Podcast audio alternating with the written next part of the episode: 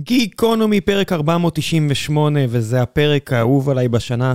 הרגע הזה שאני יכול uh, לשבת עם תומר קמרלינג ויאיר רווה, שניים מבקרי הקולנוע האהובים עליי, שאני קורא אותם כל כך הרבה שנים, וכמובן דורון ניר, מי שגילה לי את uh, חולית והמון יצירות אחרות, ואני כל כך נהנה לשמוע אותו מדבר על קולנוע וטלוויזיה ומוזיקה.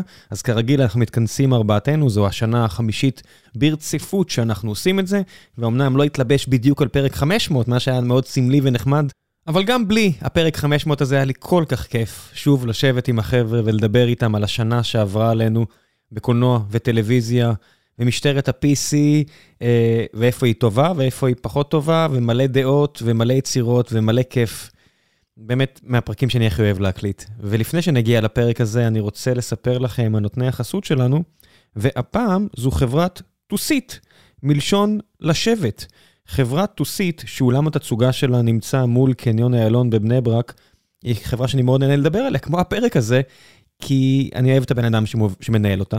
לא מנהל אותה, אבל הבעלים של החברה, ניב, שאני, כמו שהבטחתי לכם, הוא עוד יגיע לכאן לפרק, והוא עשה כל כך יופי של דבר עם החברה הזו, יש להם גם מפעל ענק בארץ, הם מייצרים המון כיסאות פה בארץ, וגם הם מייבאים דברים מעולים אה, מחו"ל, והם יודעים להתאים את הכיסא הנכון לטוסיק הנכון, וזה לא משנה אם אתם קונים עכשיו כיסא אחד לשולחן עבודה בודד אצלכם בבית, כי אתם עובדים מהבית עכשיו בגלל הקורונה, או עברתם עכשיו למשרדים חדשים, יש לכם 200 עובדים שצריכים כיסאות מעולים במחיר הנכון עבורכם, את הכל אתם יכולים למצוא בטוסיט. אה, בדרך כלל יש הנחה של 25% על הכיסא הראשון לכל מי שמגיע ואומר שהוא שמע גיקונומי, ומלא אנשים אה, אומרים לי שמשתמשים בהנחה הזאת, וכיף לי אה, לשמוע את זה, אבל יש גם הנחה נוספת למאזיני גיקונומי לכבוד השנה החדשה, אבל רק לחודש הקרוב. יש את הדגם שאני מאוד מחבב אותו, שנקרא טקסס, זה כיסא ארגונומי פופולרי שעכשיו, לחודש הקרוב כאמור, למאזיני גיקונומי בלבד, יהיה בעלות של 980 שקלים במקום 1,400, זאת אומרת הנחה מאוד מאוד משמעותית, יותר גדולה מההנחה הרגילה, וזה כיסא נפלא. ואם אתם רוצים עוד יותר להתפנק, אז יש כיסא שהם מאוד אוהבים אה, בשם גוליבר, שהוא באמת אחד הכיסאות היותר נוחים שיצא לכם אה, לשבת עליו, הוא גם מן הסתם יותר יקר. המחיר הרגיל שלו הוא 3,750 שקלים, ובחודש הקרוב הוא יימכר רק למאזיני גיקונומי, אם תגידו שאתם מאזיני גיקונומי אה, במעמד הקנייה, ב-2,590 בלבד, כיסא באמת סוף הדרך, אז אם בא לכם ממש להתפנק עם כיסא עבודה הכי טוב שיש, אז גוליבר, ויש להם עוד מלא מלא מלא כיסאות במלא סגנונות. עצה שלי, תגיעו, תשבו, תבחרו, כי זה מאוד מאוד חשוב לבחור את הכיסא הנכון עבורכם. אז אולם התצוגה נמצא מול קניון איילון בבני ברק, ועכשיו, לפרק סיכום השנה שלנו בקולנוע, עם דורון, תומר ויאיר, כמה כיף. מקווה שתהנו.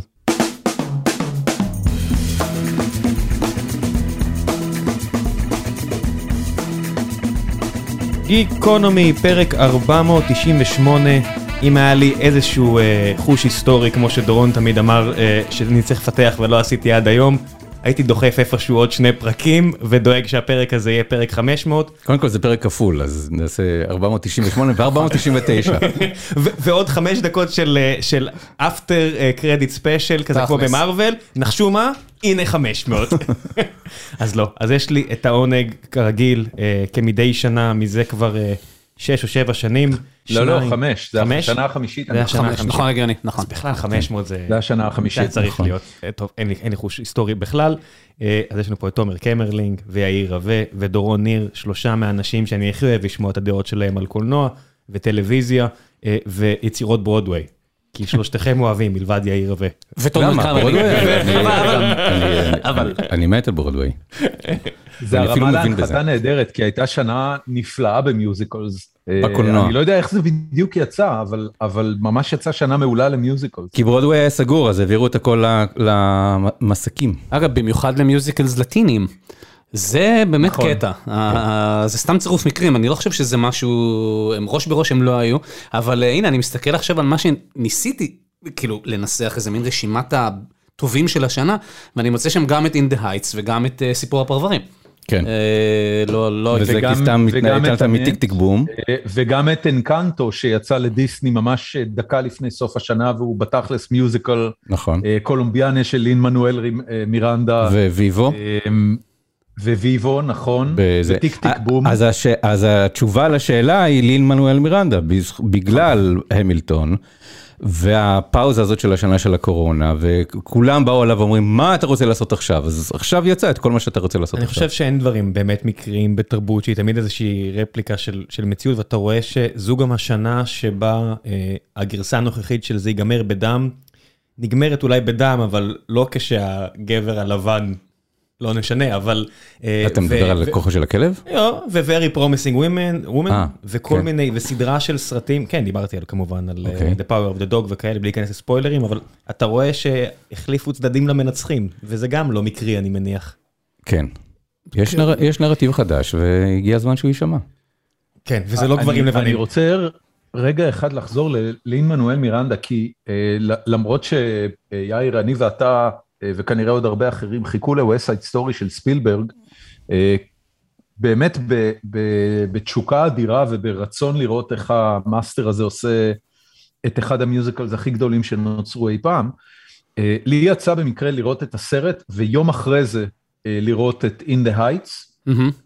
ושבוע אחרי זה לראות את אנקנטו, ובאמצע עוד לראות את טיק טיק בום, ואני קודם כל חושב שלין מנואל מירנדה הוא היום הכוח היצירתי הכי משמעותי שפועל ב... ב לא יודע אפילו איך לקרוא לזה, זה, זה musical, אבל זה גם בקולנוע וזה גם בתיאטרון, וכל ה, כל האופן שבו הוא יוצר, אה, איך הוא משלב דיאלוגים במוזיקה ובשירה, פשוט הפך להיות אחד הדברים שכולם חייבים לעשות אותו. אנקנטו הוא, הוא פשוט לין מנואל מירנדה as a Pixar movie, ו-In the Heights זה לין מנואל מירנדה a West Side Story, בתכלס, מהמם. רק שזה קורה בוושינגטון הייטס, ו- וזה נורא משמח שיש talent כזה גדול שפועל היום בעולם, ובאמת נותנים לו גם את הכסף לעשות כל מה שהוא רוצה.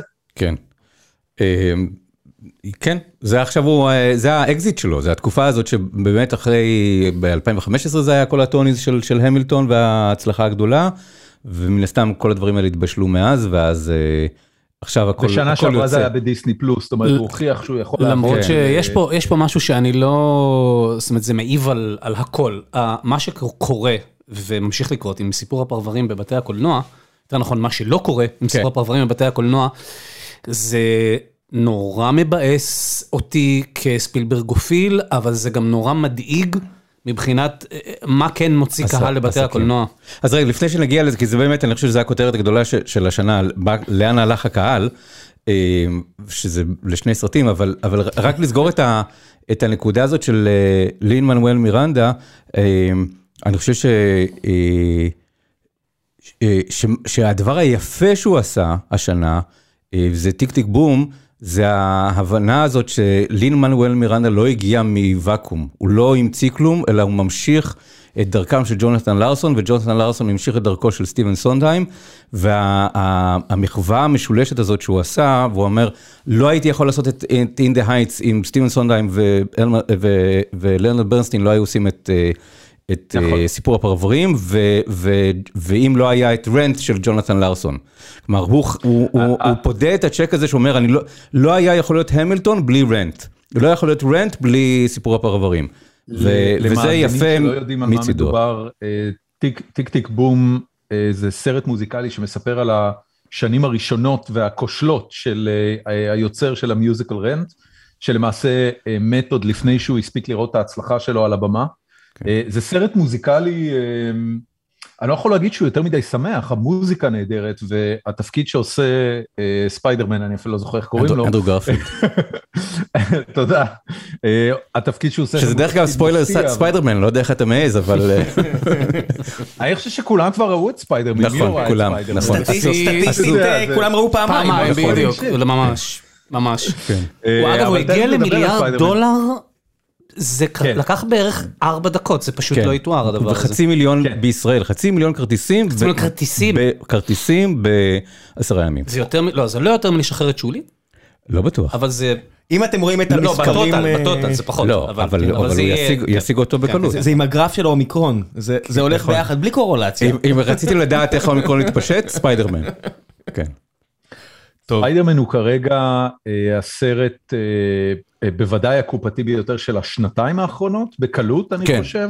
אבל הוא עקף גם ו- את, הוא עבר, הוא כרגע הסרט הכי קופתי של סוני בכל הזמנים. הוא הוא הולך להתמקם אה, 1, 2, 3 ב-all time אה, worldwide, כן, אה, כן, בלי הוא שום עקף ספק את, בכלל. אה, הוא- המיליארד הראשון מזה שנתיים, לא היה מיליארד ב-2020, המיליארד האחרון היה הסטאר וורס האחרון, זה היה מיליארד, זה גירד מיליארד הדבר הזה? כן. אוקיי. ו... ו- והוא בשבוע הקרוב אה, הולך להיכנס לטופ 20 all time אה, ב-World Wide Growth של movies. כן, זה כן, כן, זה- הכיוון שלו ברור מאוד. כן, והוא לא עוצר, הוא לא עוצר. זה העניין, הוא לא... לעשות את זה בתקופה לא לא. שחצי. עולם סגור, זה קודם כל זה מדהים, וזה עוד יותר מדהים בהינתן שאם אתה לא ראית לפחות משהו מטובי מגווייר, לפחות משהו מאנדרו גרפילד, ולפחות משהו מה- מה Marvel Universe הנוכחי, אתה בעצם לא מבין מה הולך בכלל. נכון, אז אם שמת לב. אם נכנסת לנטפליקס בשבוע האחרון, והסתכלתי על הטופ 10, הם התחילו לפרסם את הטופ 10, אז, אז שלושה ספיידרמנים שם בטופ 10 של הסרטים. כלומר, אנשים מתכוננים לסרט, או, או יוצאים מהסרט, הולכים לראות את, ה, את הסרטים הקודמים וחוזרים לראות את הסרט שוב, כדי להבין מה הם ראו. יאיר, אני, אני אספר לך על זה, הלכתי לסרט עם, אה, עם כל המשפחה, כי זה באמת סרט לכל המשפחה, כן. והילדים שלי, שהם בגילאי 10 ו-12, לא הכירו אף אחד מהספיידרמנים הקודמים. They didn't get the joke.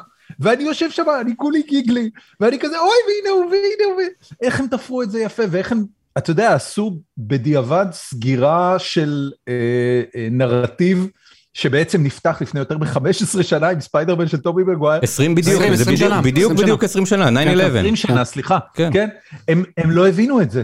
רגע, אבל דורון, דורון, שאלה. הילדים עכשיו שלך- זה באמת סיבה לחזור. אבל כן. הילדים שלך שלא, שלא מכירים את, הרפרנסים וכולי, הם נורא נהנו? למרות? אוקיי, אז הנה. בבקשה, אני כשאני הייתי בן שמונה, ואני ראיתי את שובו של הג'די כסטאר וורס ראשון, ולא ידעתי מהחיים שלי, ולא הבנתי כלום, עף לי המוח, למען האמת זה סוג של מה שהביא אותי למקום הנורא הזה שבו אני נמצא כרגע, כן? עכשיו, עכשיו זה בעיניי, לכן, אני- אם אני שומע dissing על ספיידרמן, זה מביא לי את הקריזה. כי הסרט הזה הוא פגז. סרט נהדר. הוא קולנוע. נהדר, הוא fun, בטח. כאילו אתה יוצא עם חיוך. אז אני מסכים, אני מסכים עם ה fun, אני, אני, אני מודה, אני, אני אהיה פה הקרח בבקבוק הלוהט שלכם. אמ, אני חושב ש, שקולנועית, הוא לא top notch, הסרט יש בו בלאגן, אה, הוא לא, הג'ון ווטס הזה לא מחזיק את כל הכדורים שלו באוויר, התסריטאים לא סוגרים את כל זה, אנחנו באמת רגילים לא, לא, לזה הוא ש... לא airtight, וזה הוא גם לא- airtight, ו- ו- ובאמת, אם אנחנו רוצים, אה, אני מבין את ההצלחה שלו ואפשר לפענח ולפצח אותה, והאם האם זה קשור לקורונה, האם זה יוצא, יות- אם לא הייתה קורונה, האם זה היה יוצא יותר, האם זה יוצא פחות, יש פה הרבה לא יודע, זה- תובנות. לי זה הרגיש כאילו יש שם איזה שמונה נקודות שהביאו לתסריטאים ואמרו לו, תחבר את הקווים. בדיוק קראתי. עכשיו ראיון עם אנחנו ה- סומכים זה. עליך שתעשה את זה, כן. תעשה את זה. אז, זה הנקודות אה, אבל שחייבות להיות שם. אז, אה, אז, אז הסרט הזה הוא לא, הוא fun, ובדרכו, נקרא לזה, אני, אני, אם יש פה מעריצי ספיידרמן, אז, אז אני לא אומר בר- ברצינות מה שאני הולך להגיד, בדרכו האידיוטית הוא גם מנסה להגיד דברים מאוד עמוקים, שזה אחד הדברים היפים שמרוויל עושים, שיש פה איזשהו סוג של מחשבה על אה, מה, מה הדבר הזה ש, שנקרא, שנקרא החיים. אז אני, אני מבין את זה, אבל, אבל אני מודה שאני... הבלוק, בבלוקבאסטרים אני רוצה control יותר גדול של, של מישהו שהוא ב craft שלו מאשר מה שהיה בסרט הזה, היה לו קצת, ב, היה לי בלאגן בשבילי, אבל הרגשתי שאני כזה במין, אה, אני זוכר את הימים שהייתי רואה את אמריקן איידול, האמריקאי של פעם, בגמרים, שמתחילים לשיר שיר של קווין, ואומרים ladies and gentlemen קווין, והעולם, כולם נשפכים, וגם אתה בבית רואה את זה, ואתה רואה את ההקלטה, ואתה אומר, וואו, הם הביאו את קווין. אז כאילו, זה, זה היה הסרט הזה, זה מין סוג של גמר אמריקן איידול, או מין סוג של... כן, מה היה, זה, הוא- שכל הוא- פעם יש חצי איזה כניסה של עוד איזה דמות.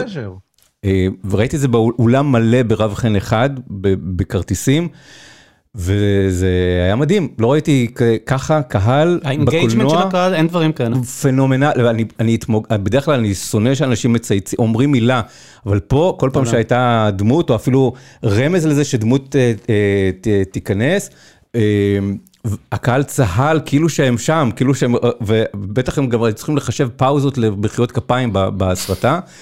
וכשדמות של זנדאיה... זה ממש מרגיש ככה. כן, צריך לבדוק את זה אחר כך. יש לי הרגשה ככה בסאבטקסט שראם פחות התחבר. לא, אבל זה לא אני, זה אני, בגלל שאני לא ראיתי את כל לא אני, הסרטים כמו ש... לא, כן. ממש, אבל אתה יודע, אתה יכול להסתכל על משהו. אבל חולים. הילדים של של דורון הבינו, אז... כן, אז- אבל הם רואים את זה, והם עשו, ב- כל מי שמגיע עם ה build-up, זה סרט שמחייב אותך לבוא עם שיעורי בית, נכון. וזה חלק מהכיף. כן. יודע, אם אני אשים אתכם עכשיו, גמר גביע של הקבוצה שלי, כן. אתם לא תהנו, נכון? לא. לי יש את ההיסטוריה של ה-20 שנה שלי, זה כמו ספורט כבר, מארוול נהיה כמו ספורט. אני אבל- יכול להעריך את ה... אבל במיליארד דולר וחצי מיליון כרטיסים, מיליארד דולר בעולם וחצי מיליון כרטיסים, אתה מבין שזה עבר את ה fanboys. אני לא חושב. אני, זה, עבר, אין חצי מיליון fanboys. ב- יש פה עוד משהו, יש פה עוד בישראל. משהו. אה, אה, אה, מיזם אה, קולנועי שמואשם כבר כמה שנים טובות בהרס הקולנוע, הוא כרגע הדבר היחיד שמציל את הקולנוע. נכון. וזה דבר שחשוב לזכור. אני, בעיניי, אה, אה, המודל הנכון תמיד היה אולפן שמסבסד את, ה, את האקספרימנטים שלו על ידי אה, מניות בטוחות. כן. עכשיו, קרה עם מארוול משהו מעניין, כי הם עשו experiment כמו Eternals, בכמה? 150 אולי מיליון דולר ונפלו איתו, אבל העובדה שגם את זה הם יכולים להרשות לעצמם זה בזכות הדברים האלה. ו- אני לא ו- בטוח שהם נפלו, כשאתה עושה 20 כן. סרטים ואתה יוצא לסד- לסדרה חדשה של סרטים, ויש לך נכון. כאלה אנשים יפים ומוכשרים על המסך, אני לא הייתי מספיד את ה- את ה line הזה, אני לא חושב שהם ימהרו לקבור את זה. אז- ו- ומה שאתה אמרת הוא נכון לא רק לאולפנים, אלא גם לכוכבים. תחשוב שיכול להיות לך בנדיקט קמברבץ' כן, כזה, כן, כן. וכאלה, שהם יכולים להופיע בסרטים האלה, לקבל את ה big payday, ואז ללכת להיות נכון, אה, נכון. gloomy אז על- על נכון, על נכון. רקע יפה של על- מדבר. עם, עם כלב בלי כלב, אבל אה, הבעיה היחידה במה שאתה אומר, אני מאוד מסכים עם זה, אני, שנינו פה חסידי הוליווד והפרנצ'ייזים והזה, והבנה גם ש, שהדברים האלה הם, הם מבוא לקולנוע, כמו שאתה אומר, סוף שבוע של ג'די, אני עם סופרמן ומלחמת הכוכבים, הסרטים האלה, אני בטוח שהבני 12, 13, 14 שהיו איתי באולם ונגנבו מהסרט הזה, ירצו בעוד כמה שנים לנסות לראות... זה drug, את- זה- את- אה, סופת קרח אה, של אנגלי, כי רוצים לראות מה טובי מגווייר עשה לפני זה. משמעית. ו- אבל אה, הבאג היחידי במה שאתה אומר זה שדיסני כרגע לא עושה את ה... לא לוקחת את הצ'קים הבטוחים ומשקיעה חלק מזה, להחזיר לקהילה ב... לא, זה לא, בניסיונות. זה לא בדיסני, כרגע, כן, זה כרגע, כן, זה לא, כן. ונראה שהפוך, נראה שהם קנו, רגע לפני הקורונה הם קנו את אולפני פוקס, והם, אה, לשאלתך, על, אה, אה, או מה שאמרת על, על סיפור הפרברים, חלק מזה, אני חושב שזה איזשהו סוג של התנכלות אה, של דיסני, או רשלנות של דיסני, שקנו את, את כל הספרייה של פוקס, והם הם לא יודעים, או לא יודעים או לא רוצים, להפיץ את זה כמו שצריך. אה, אז יש פה משהו שהוא גם, לאן נעלם הקהל, אבל גם יש פה איזשהו, הדבר, פעם ראשונה שאני מרגיש שדיסני עושה משהו שהוא עוין לאיזשהו תוכן שלא מיועד לטינג'רים. ואני חסיד של דיסני, אני כאילו בדם, אבל השנה פתאום הרגשתי, נראה איך קינגסמן יעבוד בסוף השבוע, זה גם סרט שעכשיו נהיה סרט של דיסני, אה, אבל אני חושב שהם בכוונה דו- אה, מכחידים את הסרטים כן, אבל האלה. קינגסמן אין את הערך המוסף הזה. אם ראית את השניים הקודמים, אתה לא באמת מקבל ערך מוסף. זה קצת, אה, אפילו Fast and Furious, כן. יש ערך מוסף. זאת אומרת, כן. כשהם מה? עכשיו רוצים... ההתפתחות של, אתה יודע, דמות אחת מתה, אשכרה מתה, והנה, הריב בין שני כוכבים, והקהל רוצה- מלווה אותם. אני רוצה לראות את קינגסמן, כי אני לא, אין, אני לא invested בשום דבר, חוץ מזה שאני יודע שהסרטים הקודמים היו נורא נורא כיפים, ונורא בא לי כיף. זה בסדר, אבל אתה לא מקבל added value. אני- בספיידרמן י- זה מרגש. יאיר, כן. יאיר, אני, אני רוצה רגע לעשות double click על מה שהרגע אמרת, כי ה- מה שבאמת היה כיף לא נורמלי בספיידרמן, זה שפשוט היה ברור שכל השחקנים נורא נהנו לעשות את זה. היה שם כאילו, אה, לא יודע, משהו באנרגיה, קודם כל אה, הספיידרמן הנוכחי וזנדאיה אה, עושים תפקידים מדהימים, כל העניין של המטאוורס שהם הולכים להשתולל איתו לאורך העשור הקרוב. מטאוורס זה. צוקרברג, זה ה multiverse, זה... סליחה, לא, multiverse. לא אתה לבלבל צודק, בין אה. אה, כן, טייקונים. כן, זה דיסני וזה... לגמרי. כן. ו, ו, והתחושה הזאת, אגב, של אה, ההנאה שבעשייה, הייתה חסרה בחלק מהסרטים שראיתי בשנה הזאת. בעניין הזה, אגב, אפרופו לין מנואל מירנדה ו-West Side Story, West Side Story נראה כאילו כל המעורבים, או לפחות הרגיש בצפייה, כאילו כל המעורבים נגועים בחרדת קודש אדירה, וזה פשוט מונע מהם ליהנות מהסרט, נהנה, מונע מהם ליהנות מהצילומים. ובספיידרמן זה, זה פשוט הנאה טוטאלית, אתה יושב, אתה רואה איך כולם עשו שם כיף לא נורמלי. ב-In the Heights זה ממש מרגיש כאילו החבר'ה פשוט נהנו לצלם את הדבר הזה. וכשאתה מסתכל על זה, אז אני, אני אומר, אוקיי, לראות אנשים, דווקא בתקופה כזאת שהיא נורא קודרת ומלא חרא קורה בעולם, לראות סרטים שהאנשים שעשו אותם נהנו לעשות איתם, וזה ברור לחלוטין מהמסך, זה, זה משהו שאתה יוצא מהקולנוע בהרגשה נורא נורא טובה לגביו. אמ, ולכן כל, כל אה, חסרונותיו של ספיידרמן, אני סלחתי, לה, אני סלחתי עליהם אה, תוך כדי שראיתי אותם, זה היה כמו לראות את הריוניון של חברים מבחינתי, נהניתי עד אין סוף לראות את הספיידרמנים הקודמים, ונהניתי מאוד לראות את ווילם דפו שהוא באמת, ווילם דפו בתור הגובלין הוא כנראה הווילן השני הכי טוב בהיסטוריה של קומיקס אחרי אה, מה שמו שמת מבטמן. היט לג'ר. היט לג'ר הנפלא. אבל, אבל באמת, זה, זה פשוט גילטי פלז'ר, אני, אני לא יודע איך אחרת לכנות את זה. אז אני רק, אני רק, אני, אני רק אזכיר למאזיננו, סתם, בפינת ההתנשאות, שבהזדמנות זו, אם תחזרו לספיידרמן 2, שכתב אלווין סרג'נט וביים סם ריימי, הוא יותר טוב. לא, דוק, קודם כל דוקטור אוקטופוס הוא דווקא אחד הפספוסים של הספיידרמן הנוכחי, כי הם לא, אין, אין כבר מה לעשות איתו, הוא, הוא את ה... זה קצת כמו לחזור לדארת' ויידר אחרי שאתה יודע מי הוא. כן, זאת לא, אומרת, אין פה מה... אחד הדברים שהיו בספיידרמנים הראשונים, לפני שהיה דבר שנקרא מארוול סינמטיק יוניברס, זה שהם כולם היו אנשים טובים. שנקלעו למצב של רשע בטעות, אבל הם רצו לשפר את העולם. זה היה יפה יפה ב-DNA של שני הסרטים הראשונים, בשלישי זה כבר פחות... גם, הוא מנסה להשיג תרופה לבת שלו, יש גם איזשהו סוג של איזה... זה התאגידים, הוא נגד תעשיית הנשק, הוא נגד תעשיית הפארמה, והוא מנסה לעשות אנרגיה מתחדשת. אפילו טאנוס, אפילו טאנוס האויב הכי גדול בעולם הזה.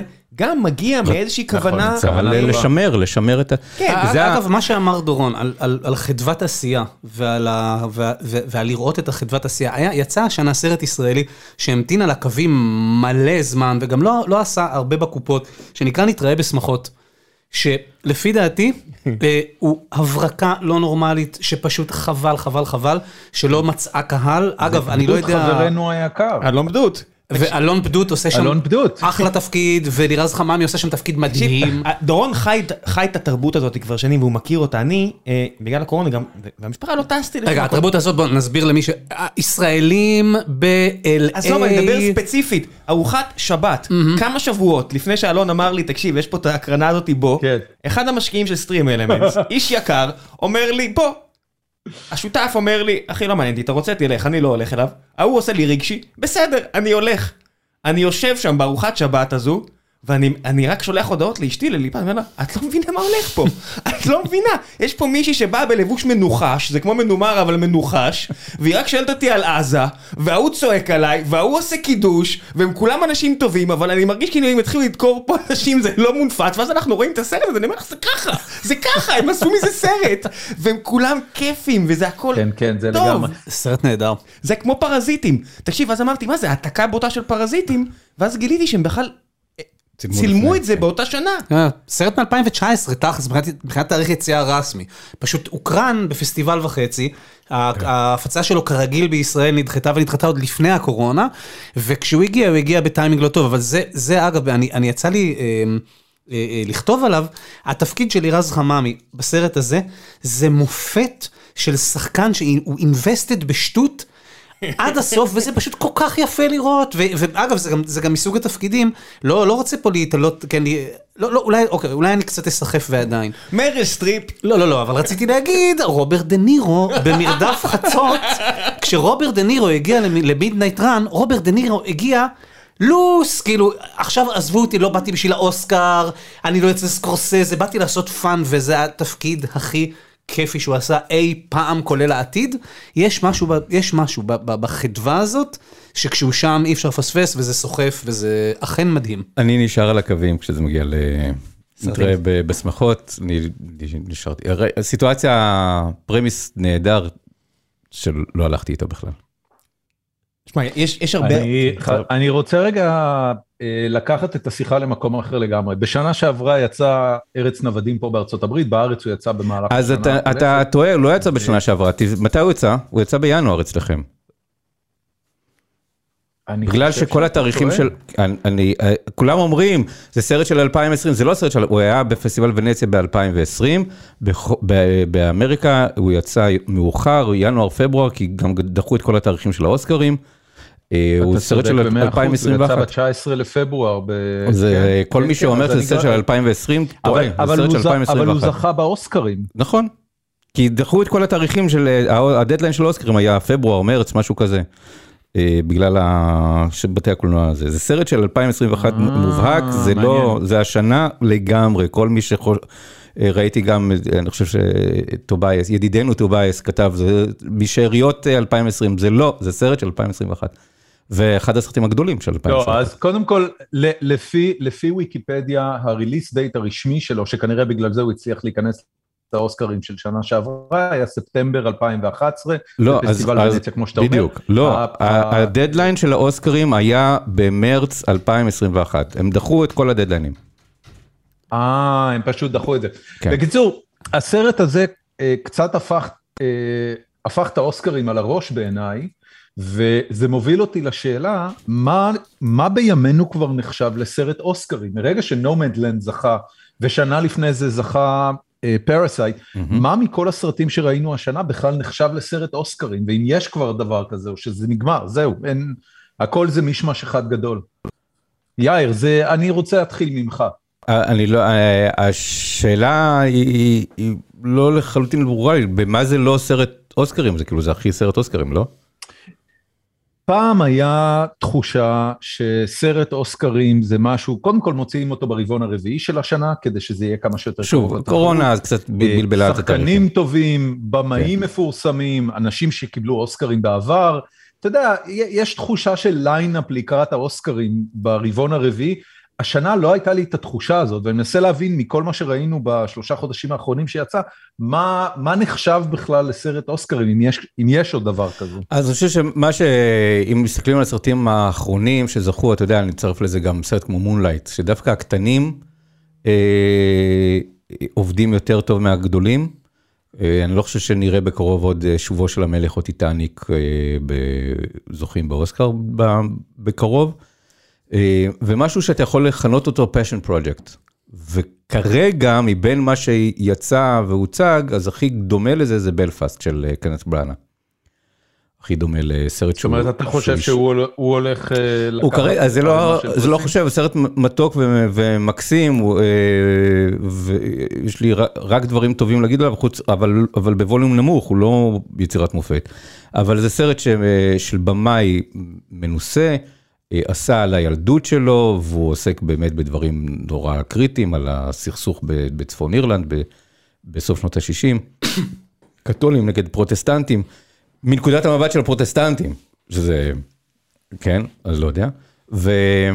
והוא סרט נורא יפה, אבל, אבל כרגע הוא כאילו הדבר שהוא הכי דומה למין יצירת אומנות אישית של מישהו שעושה מתוך המערכת אה, ההוליוודית. אז, אה, אז שם בנומדלנד, אמנם זה קלואי ז'או, שכבר הכירו את השם שלה כי זה הסרט השלישי שלה, אבל זה מין passion project של אה, פרנסיס מקדורמנד, שזכתה בשני אוסקרים באותו ערב, צריך לזכור, גם כשחקנית וגם כמפיקה. אפילו חולית קצת זה סרט אוסקרים, זאת אומרת, הוא לא הלך עד הסוף עם סרט לקהל הרחב, זה מרגיש כאילו, הוא הבטיח להם סרט לקהל הרחב ולא קיים. הלוואי, הלוואי שהוא יזכה באוסקר, אבל אה, כרגע זה לא נמצא בכיוון, אולי הוא- אולי חלק שתיים שלו, אולי, לא יודע, אבל... הוא לא קיים דבר, מה, מה, אה, כן, אוקיי, מה, בוא מה- בוא נפתח את זה. סליחה, אוקיי. אני- מערכה שנייה, ואגב, לא מ... מקום, הסרט השלישי ברשימת סרטי השנה שלי. ראיתי, אצלי זה, אני לא אגיד שהוא שלישי מלמטה, לא צריך להגזים, אבל הוא בטח לא, ולמה? כי פשוט הוא בנקודה, מס... הוא, בונה עולם נהדר, שזה נורא נדיר, בסרטים האלה הכי קשה לתת לך את, ה, את, החוק, את החוקיות של היקום שלו, ובחולית זה במיוחד מסובך, וזה עושה נורא יפה תוך חצי שעה, 40 דקות, ואז הוא נתקע. ואז הוא פשוט נתקע, וכל קו העלילה של אה, פול ואימא, נו כבר. עכשיו, הדבר המוזר הוא שכשלינץ' עשה את כל חולית בסרט אחד, אז זה יצא לו all over the place, אבל באמת הייתה הרגשה, גם אני כמי שקרא את המקור, שזה בלתי אפשרי לעשות בסרט אחד. הסרט הזה גרם לי להגיד, יאללה, הייתי צריך לעשות הכל בסרט אחד, ולהוציא אותם כבר מהחללית הזאת, ודי כבר. לא, אני, אני, פה אני לא מסכים בכלל. אני, אני נהניתי להיות בעולם הזה, אהבתי את הקצב, את הקצב ה... הישן, המיושן, הסיקסטיזי, ההוליוודי של פעם.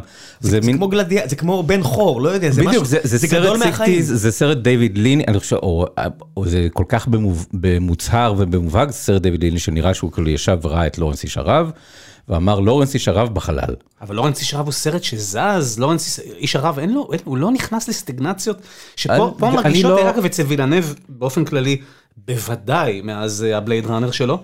שגם לא אהבת?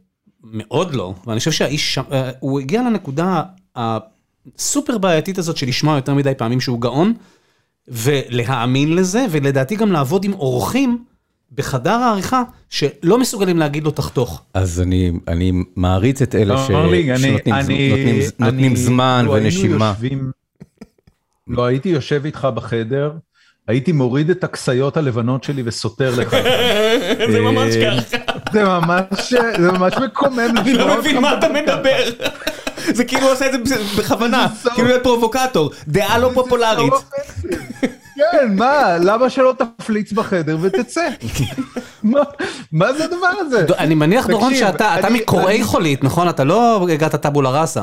תקשיב, אני, אני, אני, אני רוצה להגיד משהו על העניין הזה של חולית. כן, אני, אני, אני מגיע לחולית אה, אה, טעון ב-20 ומשהו שנות אה, גיקיות אה, על הדבר הזה, כולל, כולל הפצת הבשורה, זאת אומרת, גם ניסיתי להדביק אחרים בגיקיות הזאת. דורון קנה לי עותק של חולית ב-1999 עם הקדשה אישית שעדיין יש לי בספרייה. מה אתה? בהקדשה אישית שלו? כן. אה, עוד של פרנק הרברט. אבל, אבל, אבל רגע, רגע, בוא, נגיד משהו על חולית. חולית, אה, קצת בדומה ל-West Side Story, זה מוצר קולנועי שקורע תחת העומס של יצירת המקור.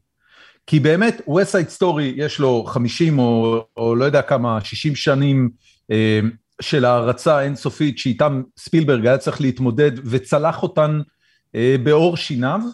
וחולית של אה, וילנוב, אותו דבר בעיניי, זאת אומרת, כל הכבוד לו, שזה לא הפך למשהו גרוטסקי, אה, מביך, איזוטרי, כמו שחודורובסקי אה, ודייוויד לינץ' גרמו לזה לקרות ב-70 וה-80.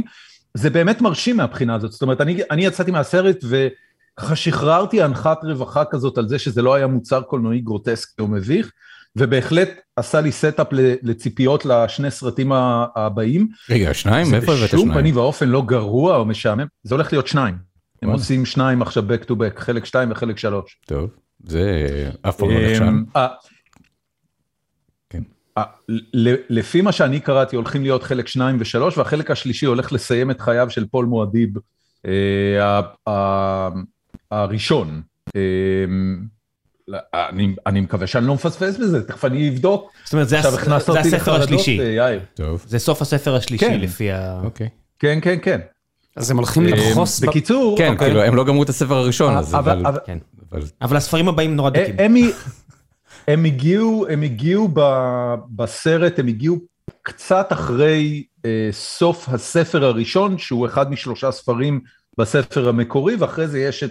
אה, משיח חולית, שהוא בעצם ספר קטן, הוא בעצם האפילוג של חייו של אה, פול אטריידיס.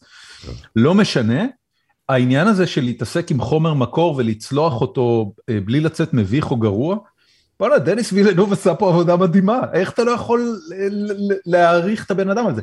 זה שזה לא סרט מדע בדיוני כיפי או קליל, זה לא היה יכול לא, להיות לא, הדבר הזה. חולית לא אמור להיות קליל אף פעם, חולית, חולית אמור להיות... קצבי, רצית קצבי, רצית... mind blowing, חולית אמור להכניס אותך ל state of mind.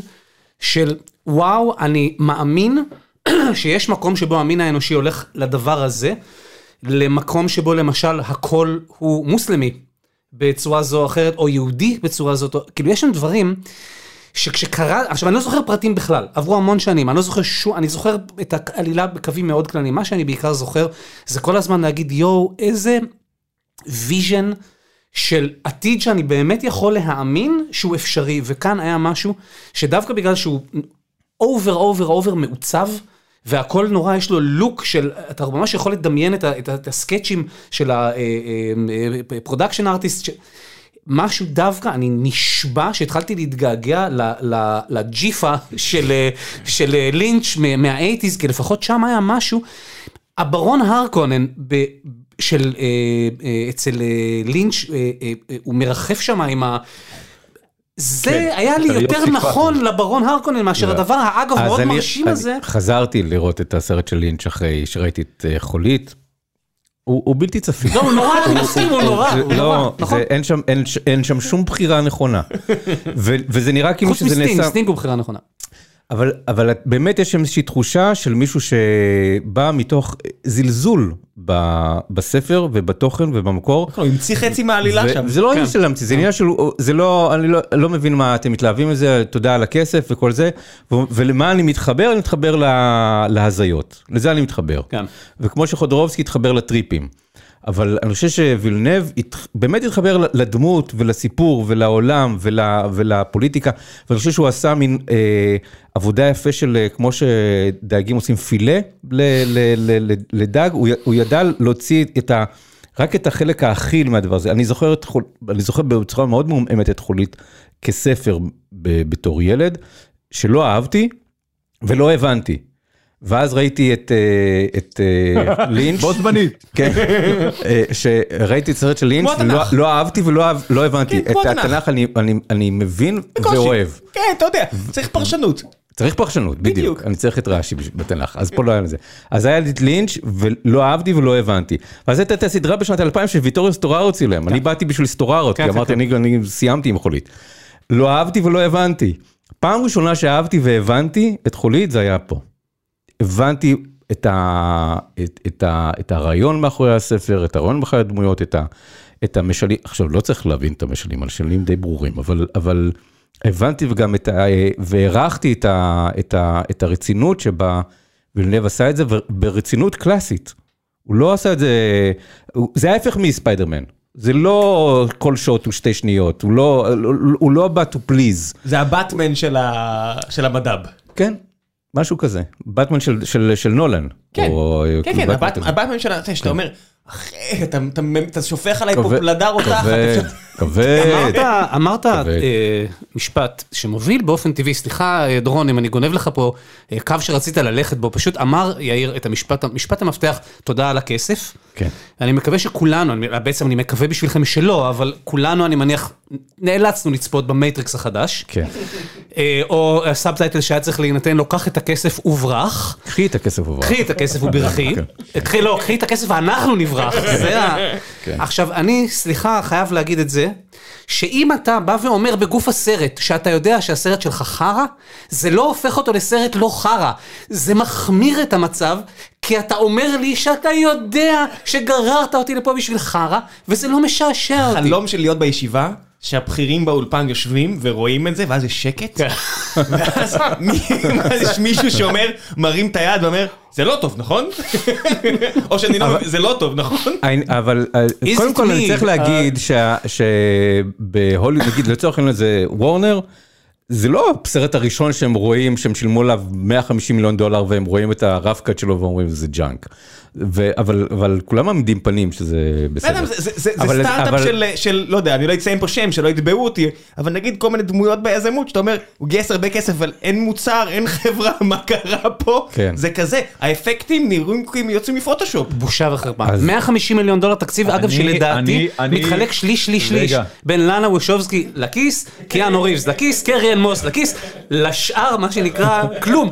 מה זה הדבר הזה? אז אז רגע, אז קודם כל, אני, אני רוצה להגיב על זה.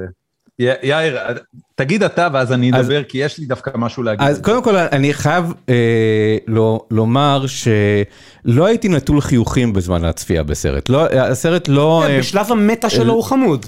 אה, Amen to אה, that. אה, זה זה סרט שאני אני אה, לא אוהב אותו, אבל לא סבלתי בו. אני לא, לא סבלתי ב, ב, בצפייה.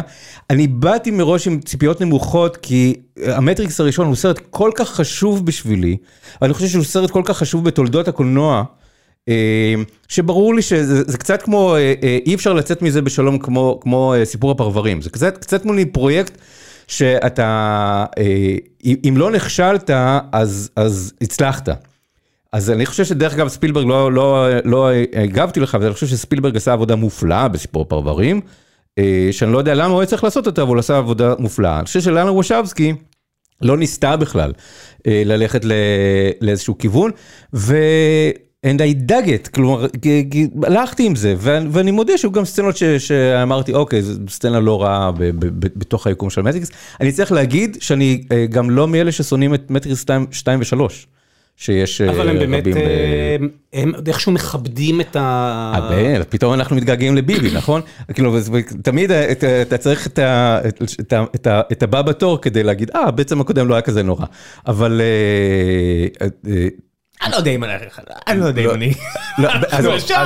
אני מתגעגע. לא, בדרך כלל אני אומר את זה על בגין, כי אני זוכר שכל הזמן על בגין, בגין, בגין, ואז פתאום הוא ראה, בגין היה כזה ג'נטלמן. אבל... אני רוצה להגיד על המטריקס כמה דברים. קודם כל, לגבי האמירה של יאיר על החשיבות של המטריקס הראשון, יאיר, אני לא יודע אם אי פעם יצא לי להגיד לך את זה, אבל הביקורת שלך על המטריקס הראשון, והתובנה שזה סרט שפעם ראשונה מצליח להצדיק עלילתית slow motionים של action sequences אה, מהקולנוע המזרח רחוקי. אה, זה היה הרגע שבו התאהבתי בכתיבה שלך כמבקר קולנוע, זה side note מאוד אישי. מאוד אהבתי את המטריקס הראשון, מאוד אהבתי גם את השני והשלישי, הם מבחינתי guilty pleasure למרות שיש להם קטעים. לא, לא guilty pleasure, זה יצירות מופת דה פקטו, זה לא שום guilty. זה... מעולה. אה, מטריקס הוא יצירת מופת. במובהק, זה מלחמת הכוכבים וספרטקוס, לא משנה מה אתה רוצה, זה נמצא בגאון ברשימת סרטים שהם לא רק טובים ומהנים, אלא באמת שינו את פני הקולנוע. תמשיך. והמטריקס החדש, עם כל תחושת הפאק יו, הסיבה שמאוד נהניתי לצפות בו ומאוד אה, אהבתי אותו, בסך הכל, על אף אה, מגרעותיו וחסרונותיו, זה כי התחושה שלי לא הייתה היא קח, אה, קח את הכסף וברח, אלא שאולפנים, וספציפית אני מזהה את זה אצל דיסני ואצל וורנר בו זמנית, הגיעו לאיזשהו מקום בהבנה העסקית שלהם, שמרגע שנתת ליוצר לעשות איזשהו פרויקט באיזשהו תקציב, אין לך ברירה אלא לתת לו לעשות את מה שהוא רוצה. ואם אתה תתערב לו, ואם אתה תנסה לדחוף מקלות בגלגלים, או לשנות, או לחתוך, או לעשות כל מיני דברים מזעזעים, שאנחנו יודעים שקרו בתולדות הקולנוע בשנות ה-80 וה-90 וה-2000, זה פשוט יתפוצץ לך בפנים.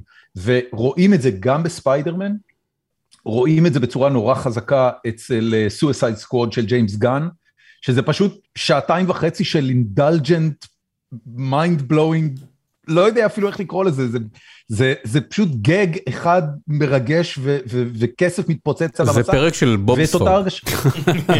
כן, משהו כזה. כולל פטריק סטאר בתור הנבל, כן. ואותו דבר הרגשתי גם במטריקס. עכשיו, בניגוד אגב לסרטים השני והשלישי, שלתחושתי לא חידשו מספיק בעולם, ה, אה, בעולם הקולנועי של המטריקס ביחס לראשון, זה דווקא הרגשתי שחידש הרבה. הקונספט, with all due respect לכמה שהסרט הזה הוא fuck you אה, ממסדי וקח את הכסף וברח וכל מה שאמרתם, הרעיון של להחזיר את ניאו לתוך המטריקס ולהחיות אותו מחדש כ game designer הוא מבריק. והרעיון של לזרוק אנשים כפצצות מתוך הבניינים, זה, זה, זה הקטע שאהבתי. כן. הוא מבריק. היו שם כמה דברים שאני אומר, אוקיי, בעולם הזה של המטריקס, שבו החידוש הגדול ביותר מהסרט הראשון לשני זה שהוא מתחיל לעוף, יש, היו שם כמה הברקות נורא נורא מדליקות, שישבו נורא טוב על הנרטיב של המטריקס, זה בטח שווה את הזמן ואת הכסף שיעלה לצפות בסרט הזה, אז הוא מבחינתי המלצה חמה וזהו. דורון, אני, אני חייב לעשות את זה, אני לא נוהג לצטט את עצמי, אבל לאור הנוכחים והנושא, אני פשוט חייב. אני, אני מצטט מתוך הביקורת שלי על מטריקס 4, זה אפרופו בדיוק מה שאמרת. יאיר רווה, מי שהיה מבקר הקולנוע של מאקו עד שהגעתי אני בשינמוך הגדול של 2016, ניתח עוד ב-1999 את המייטריקס כסרט שעוסק בין השאר בשינוי מין. לא זכרתי את זה, אבל כשהוא שלף את הביקורת מהגנזך שנים אחר כך, חשתי רגע צרוף של קנאה מקצועית. אני משוכנע שגם הפעם יהיה מי שינתח לעומק ולרוחב את הסרט וימצא בו דברים שאני לא הייתי מבחין בהם עם מיקרוסקופ, אבל זה בדיוק העניין. המייטריקס הזמין ניתוחים, פרשנויות, התעמקות. למייטריקס התחייה אין אפילו מה להזמין כרטיסים. זאת הייתה, זה לדעתי ביקורת הקולנוע, אחת המיתולוגיות שנכתבו בישראל, באמת, זה... זה there you go, איזה- תראה מה זה. לא, זה כן. באמת היה, תשמע, זה לא פלא שאנשים מרפררים אליה, כי אתה לא, כי זה fucking mind fuck, איך ידעת, for צלם, crying out loud, צלם מה? את יאיר מסמיק, צלם את כן, יאיר אה? מסמיק. מקודם שאלתי את, אה, את ראם למה אתם לא מצלמים ו... ועושים את זה, טוב, אבל עכשיו אני מבין למה, כן, באמת מסמיק פה. אה, שמע, זה מין סוג של רגע, איזשהו תדר שאתה קולט כשאתה רואה סרט, ש... אתה יודע, הוא לא מופרך, זה נמצא שם, היום כולם מדברים על זה. ו... ולא, לא, אבל כשדיברו על זה שלארי ו... אה? אנדי. ואנדי הפכו ללנה ולילי, אה, וכולם אמרו, מה? אמרתי, ידעתי. ראיתי את זה בה. אה, אגב, אני חייב, זה, כן. אנחנו לא אמורים לעשות את זה, אתה לא אמור לחזור לשם ה... לא, זה כן? נקרא Dead name. זה נקרא dead naming, זה dead naming. וזאת כן. עבירת PC חמורה מאוד, ואגב, אני... אני עברתי את גיל 50, אני חושב שכבר... אה. מי- יבטל אותי, אתה אני- אומר? אני כשיר לעבירות PC, אבל אני, אני גם רוצה לתקשר עם, אה, אנשים שמחפשים בגוגל. רגע, המטריקס הראשון עכשיו ב-IMDb, זה לאנה ולילי? לאנה ולילי, כן. או The Wachowski. לא, לא, אוקיי. The Wachowski זה יש כקרדיט, אבל לא כ... אה, במטריקס 4, מעניין. הנה, The אז Wachowski, אני, אה, I was educated, אני אומר לקהל שעשיתי הפסקה וחינכתי, חונכתי ועכשיו אני אה, יודע. חזרת, ועכשיו אתה יודע איך לדבר. אה, איך איך לדבר. אבל אה, זה- אני- ברור שאני אומר את זה מתוך הערכה נורא גדולה, אני... אני עובר איתם את ה... לא, אני, אני קולט את התהליך שלהם מ- מה- מהרגע הראשון, אני, אני נורא מבין אותם. זה לא מדבר אליי אישית, אבל אני קלטתי את, ה, את התדר שלהם. שזה זה מדהים, אגב, זה מזכיר לי את ה... בקטנה, דיברנו על זה לדעתי פעם בפורום הזה, על הרגע הזה שבו ג'יימס ליפטון מספר לסטיבן ספילברג על מה זה מפגשים מהסוג השלישי, וספילברג כאילו מת על הבמה שם, זאת אומרת, אה, הוא לא קלט עד לאותו רגע שזה על ההורים שלו, והוא כאילו, oh my god. מה, וזה באיחור של לא יודע כמה, 30 שנה אולי לאחר מעשה. כן, התדר, כמו שאתה אומר, כן. זה נורא גם- מעניין. גם בטלוויזיה אתה רואה יותר ויותר סדרות שזה כבר לא, שזה LGBTQ, שהם לא מנסים, פשוט אומרים, אנחנו פה, לא הולכים לשום מקום, אז אנחנו כבר לא מרגישים צורך, הנה הסיפור שלנו, אנחנו לא באים לחנך אותך, אתה יודע, אז- יש את החטא למשל, הסדרה שיצאה השנה, הם לא מגיעים it's a לח- sin. It's a sin, כן. כן, ככה זה נקרא, והם לא באים לחנך, הם פשוט אומרים, זה הסיפור שלנו, take it or leave it. אז יודעים מה, אז, אולי אני אגיד גם, זה משהו נורא. פרובלמטי ונורא קצת בומרי, אבל יכול להיות שאולי זה ההבדל בין מטריקס, הראשון ומטריקס 4. ה, ה, גבר או אישה? לא. תודה, ראם. זה- זה היה ראם. והוא בוטל, והוא בוטל, כן. אמ, טוב, זה- אני פשוט צריך להפנות פה את ה- לבדיחה, יש לדב שאפל בדיחה איומה, אבל נורא נורא מצחיקה בדיוק על הנושא הזה. אמ, אבל הרעיון הזה של מישהו שקולט משהו בעצמו, יודע משהו על עצמו והוא לא יכול להגיד את זה, והוא מחביא את זה בכל כך כל כך הרבה הסתרות וכל כך הרבה סאבטקסטים וכל כך הרבה, ואז יוצא לו מטריקס, כי זה משל על משל על משל, מול מישהו שכבר חי את זה בחוץ, ואז ואז אה, אין יותר סאבטקסט לסרט. אולי. זה אולי ההבדל בין, אה, בין זה לזה. לא שאני מעדיף חיים בארון, אני רוצה- אבל... אני רוצה אה, להעלות רגע, אני רוצה להעלות רגע סוגיה לגבי מותר ואסור ב- בהוליווד או בתעשיית הקולנוע ש- של היום. אז, אז ברור כבר שבן אדם לא היספני, לא יכול לשחק היספני בשום צורה. ב West Side Story עשו תיקון, מס- תיקון על העניין הזה, ואת נטלי ווד החליפה שחקנית ממוצא קולומביאני, וכמובן, In the Heights, הם מאוד הקפידו שכל השחקנים יהיו באתניות המתאימה. מה, מה, אה, מה מותר לעשות היום מבחינת לשחק יהודים, מבחינת לשחק היספנים? אה, איפה עוברים הקווים היום של לגיטימיות, אה, וכמה זה בסופו של דבר יהפוך את הקולנוע לפשוט דוקומנטרי, כי אף אחד לא יכול לשחק אף אחד חוץ מאשר את עצמו. את את הנבל הרוסי עדיין משחק בריטי. זה, בזה אנחנו עדיין יכולים להיאחז. אבל זה, אוקיי. ב- שמע, בעיניי, אני, אני שוב, עכשיו אני אצא בומר, אני בעיניי זה כה מגוחך. כל, כל הדבר הזה הוא מגוחך, כי הוא, הוא פשוט מעקר את מקצוע המשחק מה essence שלו. עכשיו, מי שמחליט להיעלב מזה, או מי שלוקח, עושה דין אחד לבלק פייס, ולמשל, ל... יש מצבים שלמשל הקהילה הלהט"בית מסרבת לקבל שחקן שאינו להט"ב בתפקיד להט"ב, ואני אומר, למה? הוא שחקן, כן. מה הבעיה עם זה? עכשיו, אני לא, אני, אני all for ייצוג, אבל הייצוג הזה, הוא, הוא לא יכול להיות אה, הסיבה שבגללה עושים דברים, הוא צריך להיות אחד השיקולים שבגללם עושים דברים, כן, כי ולא... חסר פה קונטקסט, כי אז בן- הבן אדם ישאל, למה אתה מסכים ש blackface זה, אני חושב שכולנו נסכים שזה לא לעניין, uncool מה שנקרא, ולמה אה, שמישהו ישחק טרנסווסטיט אם הוא לא. זאת אומרת, איפה עובר הקו? אני אגיד לך, אבל בעיניי זה נורא פשוט. blackface שייך לעולם, עזוב רגע, חומרת הדבר הזה, ואיך הסיבה שהוא נתפס היום ככל כך חמור, כי הוא היה חלק מהעולם. כי הוא. חלק מהעולם ההוא. עכשיו, ה- ה- היחס אה, שהיום הקהילה הלהט"בית מקבלת, לא רק הקהילה, עז- עזוב את הלהט"ב, זה לא נוגע, זה לא הנקודה. לצורך העניין אתה יכול לדבר על נשים, אתה יכול לדבר על כל קבוצה שרואה בעצמה, בצדק או שלא בצדק, אה, אה, קבוצה מוחלשת, אוקיי? זאת פשוט לא, זאת בעיניי לא הדרך. זאת אומרת, לבוא ולהגיד שאתה כיצד נפגע ממה שלא יהיה. אתה קובע עכשיו כללים שאומרים שאתה בעצם, הנה, אתה, המקצוע המשחק לא חל עליי, זה, אני, אני לא רואה איך עזוב זה... מקצוע משחק, דיבוב. יש דיבוב בסדרות מצוירות, שאנשים עלו לאינסטגרם שלהם ואמרו, אני מצטערת, אני אפרוש מהתפקיד הזה יותר, אני לא אדובב. מה, זה האנק עזריה בתור אפו ב- אה, נו. בבקשה, כן. בבקשה. עכשיו, כן. עם כל הכבוד לכל העולם. אבל רגע, אבל, אבל אה, תרשה לי דווקא להשתמש בבומריות שלנו, הנה עכשיו כבר זקני השבט, אבל לייצג את, ה, את העמדה אה, ההפוכה וקונטקסט יותר גדול. איך, אה, קונטקסט אחד ממרום גילנו, זה שזו תנועת מטוטלת.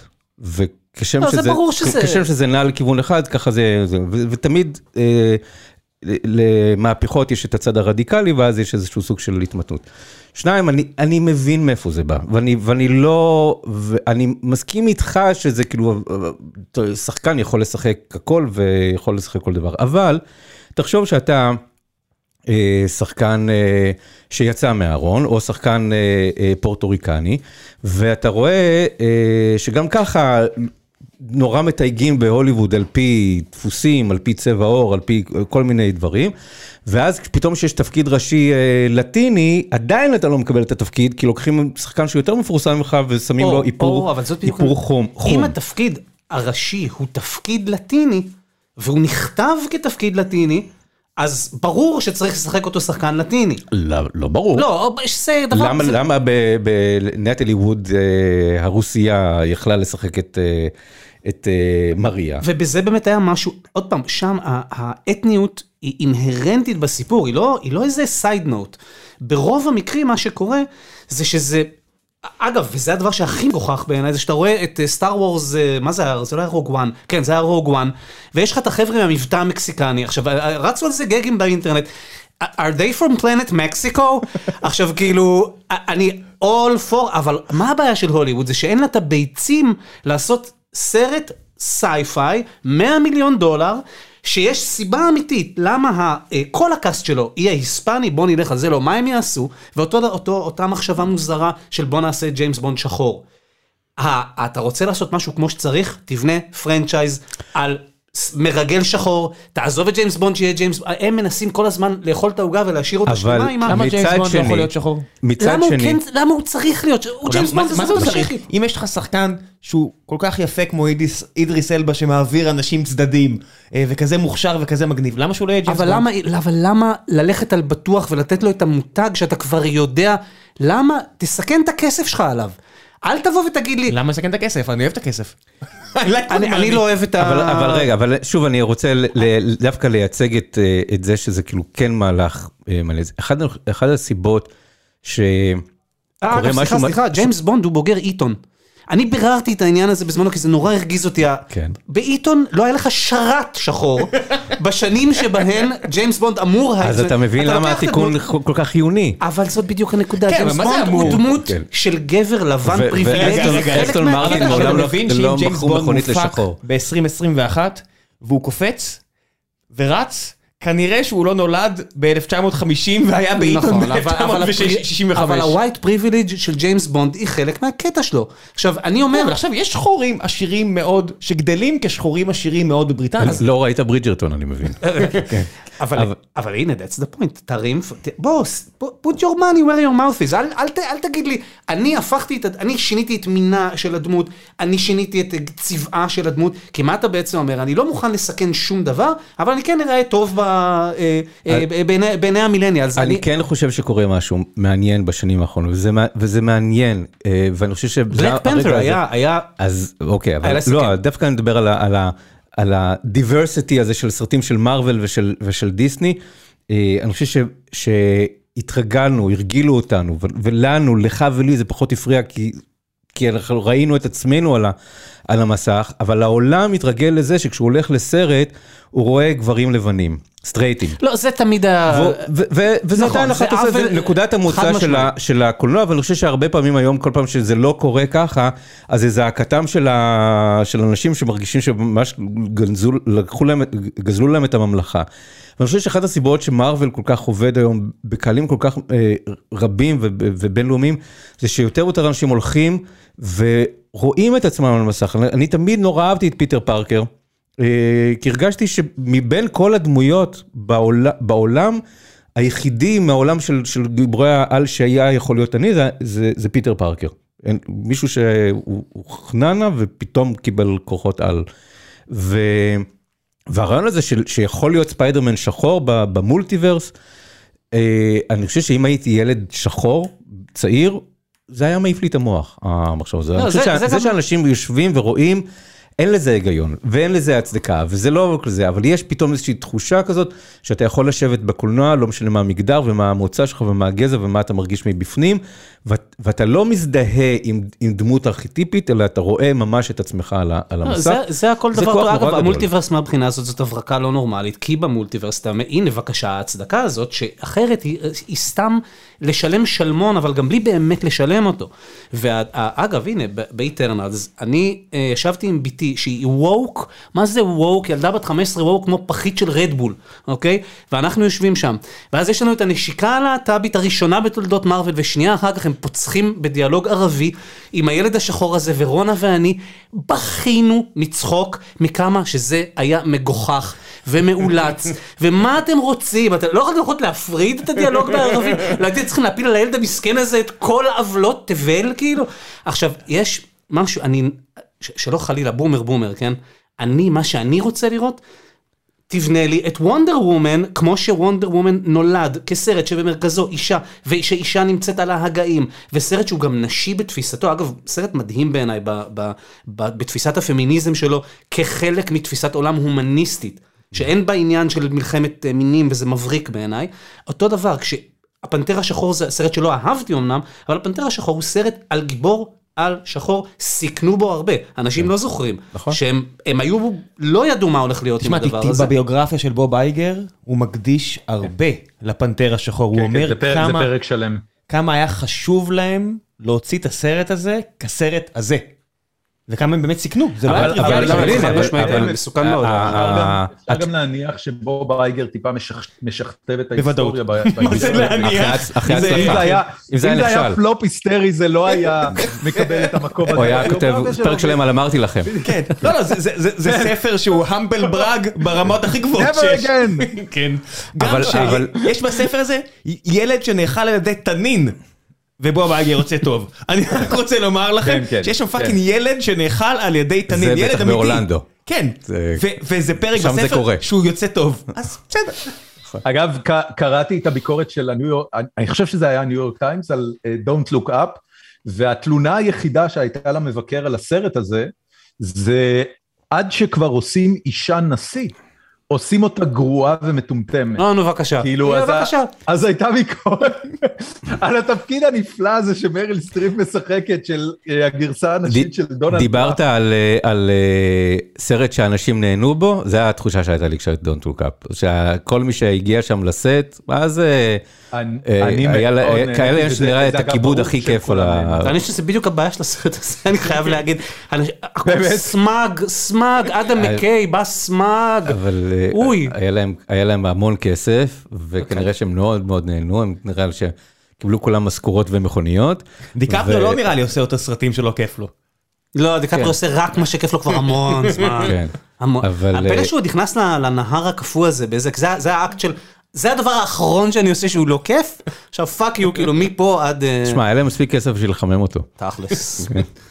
אני, וואי, באמת, אתם באמת אהבתם, הרבה אנשים... למה לא אהבת את זה? מה, חיבה- עכשיו, לא, יש לי עוד, עוד תובנה למה לא אה, לגבי אה, Don't Look Up, למה גם יש, אה, זה גם סרט של איזה שעתיים ומה, וחצי, ארוך מאוד. כן. וגם יש עוד סצנות ממש עד הרגע האחרון, וזה, וזה זה דווקא הקללה שאנחנו מצויים בה עכשיו בגלל נטפליקס, כי נטפליקס התחילו למדוד את ההצלחה שלהם בדקות, לא באחוזי צפייה. כן, דקות, דור- כן. דורון יכול ואז- להביא לך על זה אה, ואז- דוקטורט. ואז אה. הם, הם יותר, אה, הפעם אמרו אתה לא מגיש לנו סרט יותר מ-120 דקות, לא משנה מה, תעשה את החזון שלך וזה 120 דקות, ועכשיו אתה מביא להם סרט של שעתיים וחצי, הם אומרים רק שעתיים וחצי? כאילו מה... בוא בוא אני אסביר לך, ועוד יאיר, למה הדבר הזה קרדיטים קורה. עד, עד, עד הסוף. זה- כן.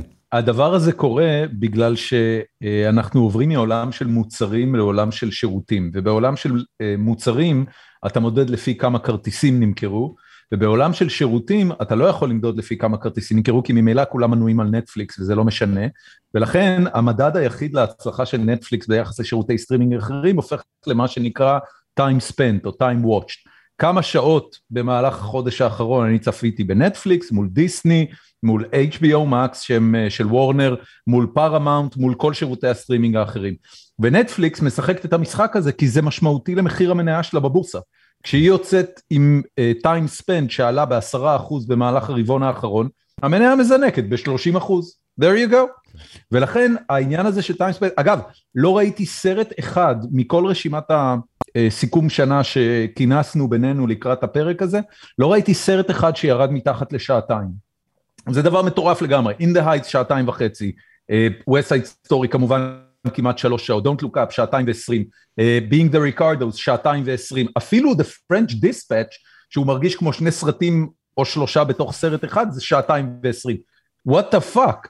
כן. ככה זה היום, זה, הם משחקים על, ה, על כמה שעות נצמד. Power of the Dog, היה שם סצנות של ערים. שבמקור היו 30 שניות והם לחצו על slow motion הזה בשנייה ודקה ועשר. אה, לי אין, לי בעיה עם סרטים ארוכים, אני, אני אה, אוהב, כל עוד, כל עוד אני עדיין יכול, מסוגל לשבת, אני אוהב סרטים ארוכים כשה, כשהאורך הוא, אה, הוא חלק מהעניין, אין לי, הוא לא רק מוצדק, הוא, הוא חלק ממ- ממהות הסרט, נגיד האירי, האירי, כן. בדיוק, האירי האורך של הסרט הוא, הוא, כן, הוא חלק מה- הוא, הוא. הוא חשוב, חווה 40 הזמן- שנה, כן. הזמן, הז, הזמן הוא חלק מה, אמת, כן. מהמימדים של, ה, של הסרט, לכן אה, כוחו של הכלב, אה, התבגרות, אין לי בעיה. סרט ארוך והוא מוצ- הוא לא, מצדיק. בהתבגרות זה קריטי בכלל, המהלך אני הולך הזמן שלו.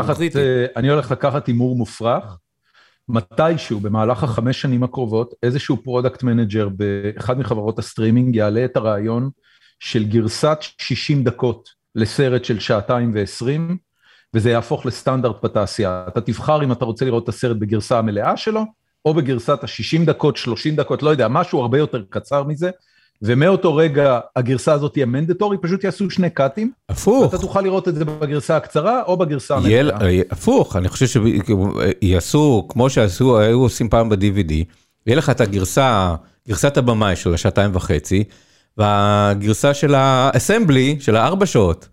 אתה רוצה הרי עוד עוד דקות. תקבל את זה, תקבל את זה מלא. יצא לי לדבר עם אה, עמרי דקל קדוש, נדמה לי שהזכרנו את עמרי דקל קדוש בדיוק לפני שנה, כש... דיברנו על התאונה? כן, על התאונה, שהוא אחד הסרטים המרשימים שאני ראיתי כבר כמה שנים, לא משנה אורך ולא משנה ארץ מוצא, ועמרי אומר, ואני חושב שהוא צודק, שבסוף פשוט ייפול האסימון ש-70 דקות. ולמה? כי הדור של ילדינו, אני אומר פה מ- עוד פעם, כאבא של ילדה בת 16, זה פשוט, זה גזירה שהציבור לא יכול לעמוד בה. ואם, וה overlong הזה, שגם, את- אני ראיתי השבוע סרט, שיכול היה להיות טוב מאוד, אם הוא לא היה ארוך מדי באשכרה שליש. ו, ו, וזה, וזה הפך אותו מסרט טוב מאוד לסרט בינוני פלוס. איזה. אה, פול תומאס אנדרסון החדש. יואו, איזה נודניק אתה. מה אני אעשה? אני, מה אני אעשה? הוא היה קצר בלפחות חצי שעה הסרט הזה. אוי, אלוהים. כן. אני, הוא, הוא פשוט, אה, הוא- הוא- ואני אוהב את פול תומאס אנדרסון, כן? חוץ מאשר בשלושת הסרטים האחרונים. אמ, ואני אהבת לא... את כל הקריירה שלו, לא, מלבד ו- הקריירה שלו. והוא סוף סוף חזר כן, לתקשר עם קהל, כן. ולא לעשות דברים שאני לא מבין מה הוא רוצה, וגם לא כל כך אכפת לי, כי באיזשהו שלב אני אומר לו, אתה יודע מה, זה שלך. סך הכל מכבד. סבבה, אה. סרט ש- לא, סרט שנעשה בשביל קהל חד משמעית ובא להצחיק ובא לרגש ואין בו שום דבר איזוטרי והוא מובן ונהיר והוא פשוט הרבה יותר מדי ארוך ו self indulgent וגם כל כך לא ממוקד בגלל זה שאני, אה, והלכתי ובדקתי, האם העורך של פול תומאס אנדרסון חשש להגיד לו תחתוך? העורך הזה, כל הרזומה שלו זה וידאו קליפים ו assistant edit, עכשיו תעבוד כמו שעובד אה, אה, סקורסזה עם אה, אה, סקונמייקר, תעבוד עם מישהו שהוא peer, לא מישהו שהוא סטג'ר, והוא יגיד לך, אחי, הגזמת, מה נסגר איתך? אז אני, אה, לכבוד הסרט הזה, בגלל שהייתי צריך לכתוב על פול תומאס אנדרסון ולא על הסרט ספציפית, אלא זה, חזרתי וקראתי את הפרקים שכתבה שרון וקסמן על, עליו ב-Rebels on the Backlot, והוא עבד עם דילן טישנור או טיקנור אה, שנים, זה היה העורך הקבוע שלו, והוא לא, הוא לא הצליח לשלוט בו. הוא- הוא- אה, יש שם אה, סצנה שהיא מתארת אחרי הרף-קאט של מגנוליה, שהעורך ומנהל האולפן של, אה, מי זה היה? זה היה, איזה אולפן זה היה? הולכים ביחד להשתין, ו... והמנהל אולפן אומר לעורך, אתה לא יכול לגרום לו לקצר, דבר עם הבן אדם. והוא אומר, אתם חתמתם על חוזה של סרט של שלוש שעות, זה כתוב, כתוב בחוזה, אני לא יכול לעשות שום דבר. זה... אז, אה, אז לא, פול תומאס אנדרסון לא איש תמציתי, הוא לא עובד אה, מהר, אני נורא אוהב את זה. הוא מישהו שאני הולך איתו, אני אוהב את הריתמוס שלו, אני אוהב את, את האורך של הסרטים שלו, והאמת שזה תמיד מרגיש לי אפילו קצר מדי. אפילו אה, זה ייגמר בדם, שזה כאילו מין אפוס כזה. כן, מעניין שבזה ייגמר, אני עד וכולל זה ייגמר בדם, אהבתי נורא את כל מה שהוא עשה. וזה לא הרגיש לי overlong, זה פשוט הרגיש לי מאוד רחב, ו- ומאז אה, הארטיסט והלאה, המאסטר. המאסטר והלאה. אני לא, המאסטר בטוב או ברע? המאסטר ברע מאוד. אני לא הבנתי מה הוא רוצה ממני, אגב, אני גם מאוד לא אוהב לעבוד בסרטים. זאת אומרת, אם אני צריך להתחיל לפענח, הסבלנות שלי היא מאוד מוגבלת. יש מה- לי... מה יש לפענח? אני קראתי הרבה מה יש לפענח, אז- המאסטר, אבל אז המאסטר וס גם... אנדרסון, קמרלינג, אז וס אנדרסון לא מחליק לך בגרון? תלוי מה. את החדש לא ראיתי. עדיין לא ראית? לא, לא ראיתי. סרט השנה לא. שלי. קראתי, אבל עוד לא... יש לא- דברים שמובלטים, הסרט השנה ודברים שלי במקום שזזים, הראשון, אה, השני והשלישי והרביעי, זה כי גם לא, כאילו, זה אגב, ארבעה אני, סרטים. אני לא... יש דברים שהם ארצי פרצי, ושאני מתחבר אליהם נורא, אבל יש אה, משהו ב... זה תמיד קורה, זה קרה לדרן אהרונובסקי, יש שלב כזה של במאי שמאבד טאץ' עם הקהל, הוא, הוא, הוא מתחיל, הוא, הוא שוכח, וואלה, שהצופה צריך לחוות פה משהו. למה? דארן חזר. המעיין איבדנו, ואז הוא חזר למתאבק, המתאגרף. לא, אבל זה כבר קדום אה, אימא, במונחי אהרונובסקי. אימא, אימא, עם הסימן קריאה, כן? שאהבתי נורא. נו, אבל היה לי ברור שאני רואה כאילו איזשהו סוג של אה, שיחה פנימית של היוצר עם- עצמו. אני רוצה את השיחה, אני רוצה לראות מה קורה, אני רוצה לראות מה קורה בראש של- של אה, של יוצר. כשהוא לא חייב דין וחשבון לאף אחד. ואני חושב הרבה פעמים, יש, יש שני רגעים שאני יכול להבין טיבו האמיתי של יוצר, לא רק בתור מי שמנהל משא ומתן עם הבוסים שלו ועם אנשי הצ'קים, זה הרגעים שבו הוא עושה, אני עושה מה שבא לי, אה, הכי מופרע והכי משוגע וזה מה שיש לי בראש, או שהם עושים איזשהו סוג של שטות. אה, אה, מה שאני תמיד מצטט את דוד פרלוב שהוא היה- אמר על, על הגלולה שזה זה היה דיברטימנטו. או שהם עושים איזשהו, איזה, ואני, ושם אני, אני מזהה אם אני באמת אוהב את, ה, את היוצרים האלה, לא רק כביצועיסטים או כיוצרים טכניים, אלא שיש להם ב, את, ה, את היכולת גם להשתתות וגם לעשות משהו. זה. אז דרן אהרונובס- אהרונובסקי אני דווקא הולך איתו, אבל אה, טוב, אני לא... אני לא רואה, הוא יעשה סרטים עוד? אה, כן? האנשים האלה משתקעים. קודם כל, הוא עשה עכשיו סדרה עם אה, וויל סמית בניישנל ג'אוגרפיק, אם אני זוכר נכון. כן, אבל... אבל אז זה אומר שהוא עוד עובד. כן, אבל ש- שאתם רואים את ההתפלגות הזו של לאיפה אנשים הלכו לראות קולנוע, זה נראה כאילו אם אתה עושה סרט אה, ברבור שחור, כל הדברים האחרונים שהוא עשה, כדאי מאוד שתמכור את זה לאפל או לאמזון או לנטפליקס מראש. אז זו שאלה ואם אחרת. אתה מוכר את זה לקולנוע, כדאי מאוד שתהיה גלימה איפשהו. אז, אז זה, זו שאלה אחרת, זה מחזיר אותנו למה שתומר התחיל את השיחה שלנו, של אה, מה מביא אנשים לקולנוע, מה זה קולנוע, האם קולנוע זה מדיום או אני חושב שגם דיברנו על זה בשבוע שנה שעברה כי שנה שעברה לא היו בתי קולנוע בכלל השנה היה חצי שנה בתי קולנוע. כן, עכשיו פשוט זה מגיע לסטרימינג, זה מגיע ושנה שעברה ל-HBO. אז אמרנו ש... אמרנו פה שה... שהקולנוע זה לא אה, זה לא פורמט זה מדיום. נכון? או הפוך, זה לא מדיום זה פורמט.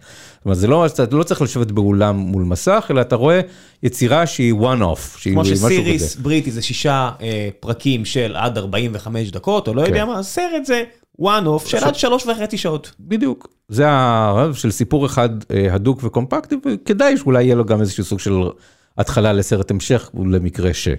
אה, אז, ו- ושם אנחנו נמצאים בעולם הזה. אני חושב שכן היוצרים המשמעותיים וגם הסטרימרים, הם מבינים ש- שקולנוע בבתי קולנוע הוא אחר מקולנוע בסטרימינג, ולכן הסרטים המשמעותיים, הנה בדיוק היום קיבלנו הודעה שמאוד הפתיעה אותי, שהסרט של ג'ואל כהן, אה, הטרגדיה של מקבת', יוצא בארץ, בבתי הקולנוע, בקולנוע לב, בשבוע היה- הבא. אוקיי. כי לשבוע. מאוד אוהב- כי מאוד אוהבים כי בארץ. למה לא? נכון, לא, אבל. אבל זה סרט של אפל, זה סרט ש, שעולה בישראל באפל אבל הוא לא ב-13%. יעלה, אבל בדרך הוא כלל- יעלה. אבל לא לא מקפיאים את זה לתקופה, כי נגיד, של שבוע, יש להם שבוע גרייס ב- לבתי הקולנוע כן. בקולנוע אני לב. נורא כן. רציתי לראות את אה, אה, Very Prom- Promising Young Lady, או לא יודע איך זה נקרא? Promising Young אה, Woman? Promising Young Promising Woman. Young Woman. נורא רציתי לראות את זה באפל, או כל אחד מהמנויים האלה, שאני- כל השירותים האלה שמנוי, ולא היה. אמרתי, אני לא רוצה פיראטי, אני רוצה לראות את זה כדת לא, וכדין. אבל זה, זה מה היה שנקרא רנטל, זה לא אותו דבר. מה זה? זה הרנטל, זה כמו, זה אייטיונס ו- ודברים כאלה. כן, פשוט רציתי. לא היה, אני חושב שזה היום זמין באמזון פריים. לא, זה כבר, אבל- עכשיו זה כבר אבל- זמין. אבל בארץ, הם אמרו, לך לא אותו לקולנוע. יש, יש את הסרטים האלה, סרטים, זה סרט של אפל. והוא עולה בישראל, באפל, פשוט אין הרבה אנשים שיש להם אפל, נטפליקס, אני לא יודע אם אתה מעודכן אני דורון, שנטפליקס הפך להצלחה עצומה. ויש אפל TV וזה עולה ההחלט- ב-13 בינואר בישראל, ועדיין הם יוציאו את זה בבתי הקולנוע בארץ. ההחלטה להוציא. משהו לבתי קולנוע היא לדעתי החלטה מסחרית שפשוט נובעת מזה שאין overlap בין הקהלים. האנשים שמנויים לאפל TV פלאס, שבו הם יכולים לראות את זה, והאנשים שילכו לראות את זה בקולנוע לב, הם שתי אוכלוסיות שונות לגמרי, גם בגיל וגם בנגישות הטכנולוגית, ולכן הסיכויים שתהיה חפיפה ואתה תאבד קהל בגלל זה הם פשוט נמוכים. ההיגיון זה- ברור, אבל, אבל בפועל. זה לא קורה. עובדה שגם אפל וגם נטפליקס מסמנים סרטים שהם יודעים שיש איזושהי פרסטיג'ה גם של קהל וגם של, של הדבר הזה, של, שזה צריך להיות בבתי הקולנוע, צריך לזה איזושהי סבלנות אחרת, צפייה רציפה ולא צפייה מקוטעת, את, אה, איזה עוד דברים היו בגדולים. הצלחות גדולות היו לנטפליקס השנה ב- ב- בסרטים שלהם שלא יצאו לבתי הקולנוע, אבל עדיין את כוחו של הכלב הם כן הוציאו לבתי הקולנוע. את אה, רד אה, רוד נוטוס הם לא הוציאו לקולנוע, כי זה, כן. את- רצו שיראו את זה באפליקציה. נוטיס, רד נוטיס Thanksgiving, לדעתי זה היה ה-Thanksgiving movie שלהם. נדמה לי שרד נוטיס הוא הסרט הנצפה ביותר. בתולדות נטפליקס. זה מה שהם רצו, את הכותרת הזו, כמו שסקוויד גיימס יצא, והיה להם כן. מאוד טוב, כן. שהסדרה הכי נצפית היא סדרה קוריאנית, ואז הם הציפו, זה כאילו יש שם PM באמת, יש שם product manager, שאמר, אוקיי, הם אוהבים קוריאה? ואז הציפו את נטפליקס באין סוף סדרות זה- קוריאניות, שאתה אומר, אה, יש גם יש גם יצירה קוריאנית לא טובה? היא הצליח בהפתעה, נדמה לי, נכון? כן, לא- זה לא מתוכנן. הם עושים ניסויים. נוטיס was uh, groomed, כלומר הם השקיעו בזה Red- את הסכום Red הכי Notice, גדול נכון. בתולדות נטפליקס, מתוך הבנה שהסרט הזה חייב לעבור את המאה מיליון צפיות, לעבור את הם גם אקסטרקשן. קידמו את זה כמו סרט שאתם מכירים, בכל התוכניות, בכל כן. ה talk shows, כן. גל גדות עשתה את כל הסבבים, היא לא רק הופיעה. זה, אלא אני מניח שבאמריקה אנחנו לא, חש- לא חשופים לזה בארץ, לצערי, מאז רומא, הפעם האחרונה שהיה קמפיין חוצות, ה billboards אה, וכאלה? בזה, בילבורדס, אני מניח שזה פומפם בצורה מטורפת באמריקה. כן, דורון? אז אני, אני, הנה משהו אה, אה, מאמריקה. קודם כל, כדי לחזור למה שאמרתי קודם לגבי אורך של סרטים והעובדה שחברות מדיה מודדות את עצמם לפי time watched ולא לפי אה, מכירות כרטיסים, בדיוק אותו סיפור חל לגבי המספרים של, אה, אה, של אה, Red Notice. אה, זה הכל, חבר'ה, זה הכל מיועד לשוק ההון ולמחיר המניה ולתחרות הכמעט מגוחכת בין חברות המדיה הגדולות ביותר, שסופרות כל דקה שה eyeballs שלנו תקועים מול המסך שלהם, וזאת התחרות היום. התחרות אגב היא לא רק בין שירותי הסטרימינג, אלא הם כמובן ביחס גם לטיק טוק ולפייסבוק ולגוגל. במקרה של Red Notice, הסרט פומפן בקרוב עם בקולנועים עצמם, עם הצהרה שזה הולך להיות בנטפליקס, זה היה הסרט הגדול שלהם ל-Thanksgiving Weekend, זה יצא בדיוק ב-Thanksgiving Weekend, באותו עיתוי שבפעם הקודמת, אם אני לא טועה, יצא וונדר וומן, אבל אני לא בטוח, אני צריך לבדוק את זה. וונדר וומן היה כריסמס, לפני שנה בדיוק. וונדר וומן היה כריסמס, אז היה סרט אחר שהיה ה-Thanksgiving Weekend. לא היה Thanksgiving שנה שעברה, דלג, אה, אתה מדבר בסטרימינג. כן, אני מדבר רק על סטרימינג, אני אומר לך אוקיי. כבר, הם משחררים את ה releases האלה בהתאם לחגים. כריסמס שקרה בשבוע שעבר, היה release ברור, Don't Look Up יצא לסטרימינג בדיוק בחצות הלילה ב Christmas Eve. זאת אומרת, זה הכל מכוון כדי לייצר מספרים שאחרי זה הופכים להודעות מעניינות לבורסה. הסרט הנצפה ביותר של זה. אגב, מהצד השני, אתם רואים במדיומים אחרים וחברות אחרות, אה, עושים דברים כדי אה, להתנגח בחברות הסטרימינג. יש אה, יוצר אה, וידאו שב StreamElements נחשפנו אליו ועבדנו איתו בחודשים האחרונים שנקרא MrBeast. MrBeast הוציא סרטון משלו שנקרא MrBeast Squid Games שהגיע ליותר צפיות ממה ש Squid Game הגיע אליו אחרי פחות מ-48 שעות וכמובן שיוטיוב אימפמו את זה מכיוון שהם מתחרים בהם על אותם דקות צפייה. הם באים ואומרים, תקשיבו, אם אתם משחקים אותנו את המשחק של הדקות הנצפות ושל כמה צפיות היו, אנחנו ניתן לכם בראש, כי אין על יוטיוב בעולם. אז התחרות הזאת, היא, זה, זה הכל מכוון לשוק ההון וזה הכל מכוון למחיר המניה של החברות האלה, ולכן אתם, אתם, לדעתי זה רק יקצין, זאת אומרת, אתם תשמעו ממש על כמה דקות ראו כל סרט או כל שחקן, וככה הם מודדים דורון, תקלוט את העסקה של... אה, תקלוט את העסקה של פאודה, על זה שהריצו את פאודה. החבר'ה, ליאור ואבי, כן. מכרו ב-50 מיליון דולר את החברה הזו. כן. תקשיבו, איזה כיף זה, זה כאילו, יהיה פה אקזיטים שישימו טושי. כן, אקזיטים של מדיה, אקזיטים של content ומדיה. כן, אבל זה אקזיטים שאתה לא סטארט-אפ שגדלת ו-200 עובדים, בואנה, זה שני חבר'ה שהביאו בראש, ורכבו על הגל הזה של נטפליקס. ואין להם ספרייה. וכולם אמרו, אתה יודע, שנטפליקס יהרוג את היצירה המקורית וכל הדברים האלה, ואני רק רואה פה פתאום פוטנציאל של יוצרים שאומרים, אה, אני רק צריך לקלוע פה, ואתה רואה, זה גם קוריאני, וזה ישראלי, וזה דרום אמריקאי, וזה ספרדי, עם משהו כסף. כן, אוקיי, מצטער, איזה עילג אני. אבל זה מכל העולם, אתה אשכרה יכול ליצור תוכן. שפעם היית אומר, מי ישמע את זה, מי יראה את זה? אין ספק שמלח... אגב, מלחמת הסטרימינג זאת השנה, זאת אומרת, זהו, זאת אומרת, עכשיו זה, השנה הזאת... אני לא יודע, אני מניח שכל הגופים ישרדו, אבל כנראה שיתחיל להתקבע מי באמת, מי באמת מוביל את הר... מי, מי ראש החץ פה. כן. והדבר הזה, אין ספק שהוא טוב, רק מה, שבבחינה הזאת, אגב, נטפליקס תהרוג את התוכן, נטפליקס היא טובה מהבחינה הזאת שהיא לא דיסני. זאת אומרת, היא, היא לא נשואה לכל מיני מותגים פרטיים שלה, ואין לה את האינטרס, מה שאתה דיברת עליו קודם, יאיר, להנחית את ה... זה נהדר. אני לא בטוח, אם, אם אה, דיסני פלאס, איך אמר בשעתו מוני מושונוב, היא נותנת בומבה, אז, אז זה לא טוב ליוצר הישראלי, זה לא טוב ליוצר הספרדי, למרות שתאורטית הם יכולים לעשות כל מיני, אבל זה לא, זה לא ה-DNA. ונטפליקס קורה דבר באמת מדהים, זה שכל העולם ישב וראה את Squid Game, זה mind blowing, בין השאר אגב, כי זאת לא סדרה עד כדי כך טובה, כן? היא לא אה, משהו... ראיתי רק את הפרק הראשון. כן.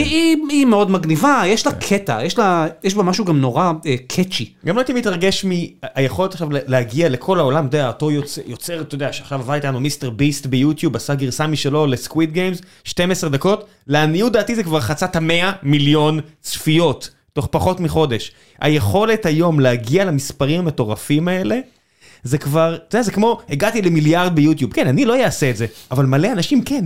אז רגע, בגלל שאנחנו מדברים על, על אורחים של יצירות, אורחים או דקות של יצירות, אז זה, יש פה איזשהו משהו שצריך להבין, כי תמיד נדמה לנו שליצירה איזשהו סוג של אורך אה, אורגני או, או מין משהו כזה, ואנחנו מבינים כל הזמן שאיך ה, ה, הטכנולוגיה והפורמטים הם מכתיבים את האורחים, אז בשנים, בימים שבהם היה בית קולנוע עם אולם אחד, אז רצו שהיצירה לא תעבור את, את השעתיים, כדי שיהיה אפשר להכניס...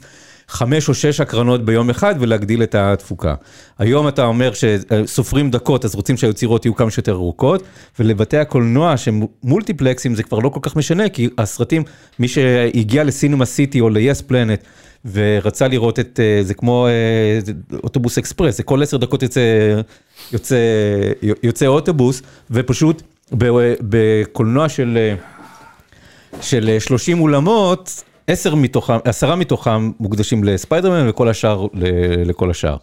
שזה שוב, אה, אם הייתי עכשיו אה, יוצר של סרט ישראלי, זה היה מבאס אותי נורא, שאין אין לי אולמות להציג את הסרטים שלי, הייתי מוצג באולם אחד.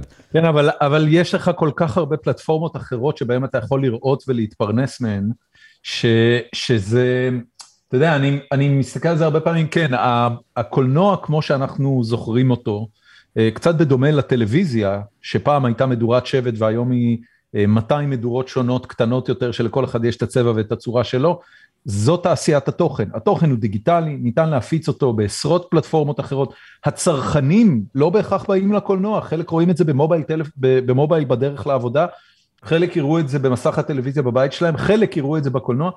אני מאוד אוהב את זה שהתעשייה משתנה, כי ככל שיהיו יותר אאוטלטים שבהם אפשר לצרוך את התוכן, ובשאיפה גם מודל עסקי שאפשר לתגמל את היוצר, ורצוי את היוצר ישירות עם כמה שפחות מתווכים בדרך, ככה התעשייה תשגשג יותר, ובגלל זה יהיה כיף יותר להיות קונטנט קריאטור. וזה, וזה לדעתי רק דבר טוב. זאת אומרת, אני לא מצליח לראות בזה שום דבר רע.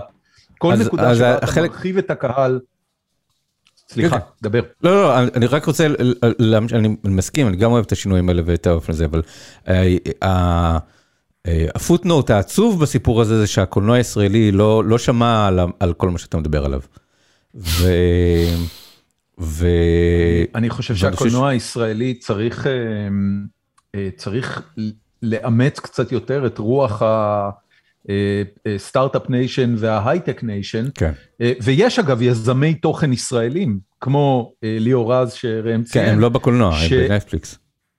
מה מה זה חשוב? לא, מה שאני אומר זה שאני אני, אני עכשיו כן. מבכה, ואם אה, מישהו מראשי תעשיית הקולנוע, אה, בין אם זה ראשי קרנות, שר התרבות או או, או משה אדרי, אה, שומעים והגיעו לשעה וחצי לתוך הפודקאסט הזה, אז... אז כל מה שאתה אומר זה, זה נורא נכון, אבל קולנוע ישראלי משום איכשהו יצא שאם זה לא נמצא בבתי הקולנוע, כאילו הסרט שלך לא נעשה.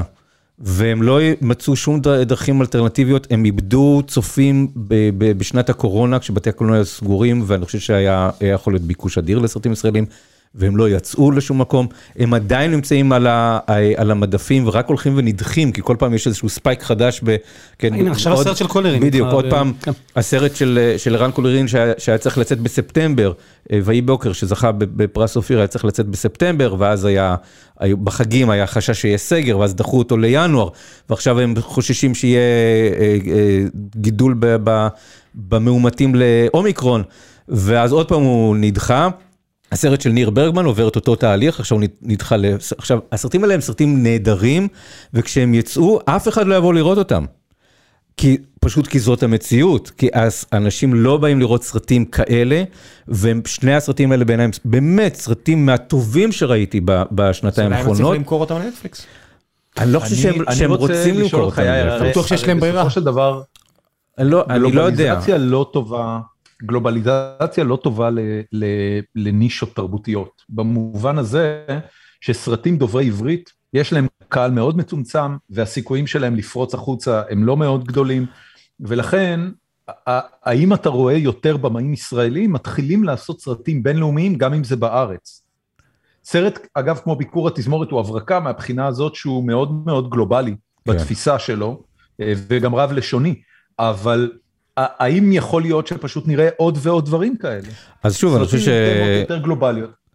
אז אה, קודם כל ליאור רז גם אה, הייתה לו את הברקה הזאת עם hit and run של משהו שהוא יכול להיות אה, גם מקומי וגם בינלאומי וגם שכל אחד מדבר בשפה שלו על פי, על פי הקונטקסט, אבל אם אתה מספיק עושה, מספיק חלק מהעלילה תהיה בניו יורק, אז יהיה מספיק אנגלית בשביל שזה יחשב אנגלית. אני חושב שאחד הדברים ש, שנטפליקס עשו, וזו בעיניי מהפכה עצומה, זה שהם uh, הפכו שפות uh, זרות למשהו לגיטימי. הנה הסדרה הכי נצפית היא סדרה קוריאנית, או הסדרה הספרדית של בית הנייר שהזכרת. ההצלחה של פאודה ושל שטיסל בנטפליקס אולי הוא לא ב top. תקשיב, היה best picture באוסקרים שהוא דובר קוריאנית. נכון. זה, אז, זה מטורף, אנחנו, אז אנחנו חיים אנחנו, בסוף הזמנים. אז אנחנו חיים, חיים, גדלנו במציאות שבה אמרו לנו שהקהל לא קורא תרגום. ואז כן. זה לא המצב יותר, זה דבר אחד. אגב, פה יש תהליך שהוא, זה מצחיק כמה הוא בעצם צפוי, כי ה second screening והפיזור קשב של צעירים היום הוא בדיוק מה שמאפשר, זה בכלל לא issue, כי הם כל הזמן קוראים על המסך בזמן שהם, זה, זה, אני לא חושב שמישהו יכול היה לצפות, אבל זה מה שאני רואה את, את הבת שלי, איך היא צורכת תוכן. היא היא, האנגלית שלה היא, היא, היא טובה משל הרבה אנשים שנולדו במדינות דוברות אנגלית, היא אוהבת לראות את ה subtitles באנגלית. על הזה, כי פשוט חסר לה משהו בעיניים. גם אני ככה. כן, כן, כן. אני לא, לי מאוד קשה לראות תוכן באנגלית. בלי לקרוא. בלי לקרוא. אין לי בעיה. אני תמיד ייחסתי את זה לא, כתכונה זה לא מכשול של ישראלית. שפה, זה עניין של... לא, אני קורא באנגלית. כן, אני כן, קורא את הכתוביות. באנגלית. זאת תכונה, אני חשבתי כל השנים שזו תכונה ישראלית, שאמרתי ש- שלימדתי קולנוע, או מלמד קולנוע, ואני אני אומר שהישראלים אוהבים לקרוא יותר ממה שהם אוהבים לראות. ולכן גם בסרטים ישראלים תמיד היה תרגום למטה. אבל זה כי הסאונד היה חרא. אז אומרים סאונד או כבדי שמיעה, כל פעם זה זה, אני חושב שבפועל אנחנו מבינים יותר טוב, זה העם שלנו, מבינים בקריאה יותר טוב ישראלי, את זה. גם סרט נכון, ישראלי נכון. קשה לי לראות בלי תרגום. כן, אז... זה אה, מצחיק תרגום, זה לא תרגום, בלי תמלול. ואני תמיד חושב שהקולנוע הישראלי היה תמיד נורא מילולי ולא ויזואלי בגלל הדבר הזה. שממילא חושבים שעל ה... שיקראו יותר את התרגום. אני הרבה פעמים כשרוצה כזה להתמקד בסרט אז אני כזה יורד למטה בכיסא ומסעד הכיסא אני אני מסתיר לי את התרגום כדי להתמקד בתמונה. וואו. אני מרגיש ש- שב- שהרבה פעמים בקולנוע הישראלי זה הפוך, שאנשים מסתירים לעצמם את ה- את המסך ורק קוראים את ה- את ה- את התרגום, כן. את הסינו- את ה- את ה- את בסרט, הטקסט. אה, בסרט שבחרת לסרט השנה שלך, אה, The French Dispatch של וס אנדרסון, אני חושב שיש יותר טקסט על המסך מכל סרט אחר, כולל מתורגמים שראיתי בשנה כן, החולפת. נכון. פשוט כמות אדירה של קריאה שאתה צריך לעשות במהלך הצפייה בסרט. הכל, הזה. קריאה, צפייה, למין, ו- והאזנה. בואו נדבר ולהקשיב. רגע על, בואו נדבר רגע על דוקומנטרי. קודם כל, אה, אחד מהסרטים הגדולים ש, שהיו השנה זה, זה The Rescue, אה, שמתאר את סיפור ההצלה של אה, קבוצת שחקני כדורגל צעירים בני 12-13 ממערה מוצפת בתאילנד והוא masterpiece, וכמובן יש את אה, The Elephant in the Room, שמונה וחצי שעות של פיטר ג'קסון, משחזר באיכות דיגיטלית מדהימה את, אה, את הביטלס, מקליטים את Let It Be. אה, מה, זה בעצם אומר על דוקומנטרי בעולמנו? מה זה אומר על האיכות של סרטים? מה זה אומר על התחרות שלהם עם סרטים עלילתיים? בעולם שבו הכל נמדד לפי time spent, השעות שנצפו ב-Get Back, יכול להיות שזה אחד הדברים שהכי צפו בהם בדיסני בשנה האחרונה. אז זה, קודם כל אתה אני עונה לשאלה, לא-. לא, אני, קודם כל ענית על השאלה למה הם הסכימו לעשות את זה, ולא אמרו לו תביא שעתיים, אז זה- זה- שזה מחשבה נהדרת. אני חושב שזה, אנחנו נמצאים בעידן הזהב של הקולנוע התעודי כבר כמה שנים, ואני זה, אני חושב שזו הפעם הראשונה שיש כל כך הרבה סרטים תעודיים ברשימת סרטי השנה שלי, גם. גט כמה היו? חמישה סרטים. כשבמקום הראשון, מבין הסרטים התיעודיים, המקום הראשון שלי הוא Summer of Soul של קווסטלאב, אה, שהסרט הזה פשוט, ראיתי אותו, גם יש לך אותו בדיסני, זה הולו, אני חושב. כן, כן. אה, הייתי באקסטזה, פשוט באקסטזה מהסרט הזה. היית באקסטזה בגלל הגילוי של החומרים, או הכל, בגלל הסרט עצמו? הכל, הכל, הכל, הגילוי של החומרים, האיכות של החומרים, האיכות של המוזיקה, האופן שבו זה ערוך, האינטליגנציה העצומה של האיש המופלא הזה לשלב רעיונות אה, עכשוויים של אנשים שגם היו שם, אבל גם מנתחים את הקונטקסט, ואז אתה מבין את הכוח הפוליטי שיש לאירוע הזה, והכוח הפוליטי שיש למוזיקה. הכל, הסרט הזה חשמל אותי, הוא כאילו בעיניי, אה, כשאני אומר מה, מה זה קולנוע, זה זה, זה, זה, זה, חוויה שהיא ויסרל וסריבל, אני מדבר במושגים אמריקאים, זה גם מדבר אל, ה, אל הקישקע וגם מדבר אל, ה, אל המוח, ו, ואתה רוקד. זה נחמד ש- שמילה כל כך אה, אה, עמוקה ומרגשת כמו visceral באנגלית, מתורגמת בעברית לקישקע. סריבל, ויסרל, נכון, אתה זה יודע קישקע. אתה יודע איפה הם עשו את זה, נטפליקס? זה קישקע. והשנה זה התפוצץ. אה, פורמולה 1, Drive to- Drive to Survive, הדוקומנטרי שלהם על- על מרוצי מכוניות, שזה הגיע ממש מתחת לשטיח, שבהתחלה מרצדס ופרארי לא הסכימו לקחת חלק, ובום. זה... הגמר של המרוץ האחרון של השנה, הפך להיות אירוע ספורט ענק בארצות הברית, מקום שאף פעם לא תפס את פורמולה 1, וואו. בגלל זאת- הסדרה הזו. זאת סדרה אדירה, זאת עבודת עריכה מהטובות שאני ראיתי מימיי חוצה ז'אנרים. אני, לא מעניין אותי ספורט מוטורי בשיט, כן? כל השנים שלי בבלייזר לא נתבע כלום. ו, וזאת סדרה, א', היא מרתקת, ב', אנחנו בדיוק אה, פרסמנו כתבה במגזין מאקו על, על ההשפעה של הסדרה על הספורט. זה לא נתפס מה שקרה, ופורמולה 1 תמיד היה ביזנס, זה לא איזה משהו מינורי, ש... אבל זה קפץ ב... אני לא רוצה פה ל... אה, אבל מספר הצופים המצטבר במרוצים בשנה האחרונה היה משהו כמו, אם אני זוכר נכון את המספר, שני מיליארד. שזה בערך פי חמישה ממה שזה היה לפני שהסדרה יצאה לדרך. עכשיו, הם לא, נטפליקס לא באו להרים לפורמולה, זה פשוט קרה, ועכשיו יש אה, אה, האשמות קשות נגד הארגון אה, שמנהל, שכחתי את שמו, הארגון שמנהל את הפורמולה 1, שכל העונה האחרונה כבר הייתה אה, מכוונת מלמעלה כדי להצטלם טוב. כולל השורה האחרונה. כולל השורה האחרונה שבה ה- ה- לואיס המילטון הוותיק, עם כל תארי האליפות, הוא ראש בראש עם נהג צעיר, שאני לא מצליח לבטא את השם שלו בשביל. כסף, תודה רבה, המון כן. דברים שם קורים. וזה, וזה מתנקז למרוץ האחרון של העונה, כשיש ביניהם הפרש של, זה, זאת אומרת, זה הכל על המרוץ, עכשיו זה לא קרה בפורמולה 1 מעולם, למעט באיזה, ש- ואז באים אנשים ואומרים, מעניין, איזה קטע, די עם הקונספירציות, 2021 חייבת למות כבר עם כל הקונספירציות האלה, לא נושם כבר את אגב, לא, לא הקונספירציות. מדובר חלילה על, אה, מכירת אה, מרוצים, אלא, וזה כן קורה, הם עושים שינויים ב- בכללים שמגבירים תחרות, כן, כן. והם מצמצמים אבל תמיד. פערים. אתה יודע- על מי עשו סרט דוקומנטרי בארץ? אתם יודעים? אחרי מי עקבו? אחר משה חוגג וביתר ירושלים. חברים, איפשהו, יש פה דיסקים חומרים או, וואו. שיפוצץ את נטפליקס, אמזון ואפל בבת אחת, לצערנו, לא אף אחד לא לא יראה רע. את זה. אבל הנושא של סרטי תעודה, אה, אה, מקודם תומר התלונן על הנושא של עריכה בסרטים, אז, אז שם זה, בסרטי אז זה הדבר הכי קצבי, והכי ערוך, נכון, נכון. והכי דינמי, והכי לא משעמם, והכי כל הזמן, אין סרט תעודה מהסרטים הטובים, וה-The Rescue זה דוגמה מצוינת לזה, לרגע חשבתי שזה יהיה סרט השנה שלי, אה, שכל עשר דקות אתה אומר וואו. וואו, כאילו, רסקיו, אבל, אבל, אני לא יודע אם שמת לב יאיר, אה, בסרט The Rescue, אה, יש אה, כיתוב בסוף, שחלק, אה, ואני לא יודע איזה אחוז, לדעתי זה לפחות רבע מהסרט, זה המחזה של האירועים. אין לי שום בעיה עם זה. מחדש. אני, אין לי שום בעיה עם זה, אני, אני אה, אה, עוקב אחרי הסרט הזה. זה סרט שמי שהתחיל לעבוד עליו זה קווין מקדונלד, שהוא אה, אחד האנשים שאחראים לרנסאנס הזה של קולנוע התיעודי, בזכות סרט שהוא עשה שנקרא Into the Void, שמאוד מאוד דומה לסיפור הזה. והוא אה, כולו שחזורים, זה, ו, וקווין מקדונלד בא בעקבותיו של ארול מוריס, של הרעיון של רעיונות ושחזורים, ופה הם באמת נכנסו לאולפן אה, לשפרטון באנגליה ובנו את המערה הזאת וצילמו את השחזורים, כי לא היה להם את חומר הגלם שצולם אה, על ידי ה-Navy Seals של תאילנד.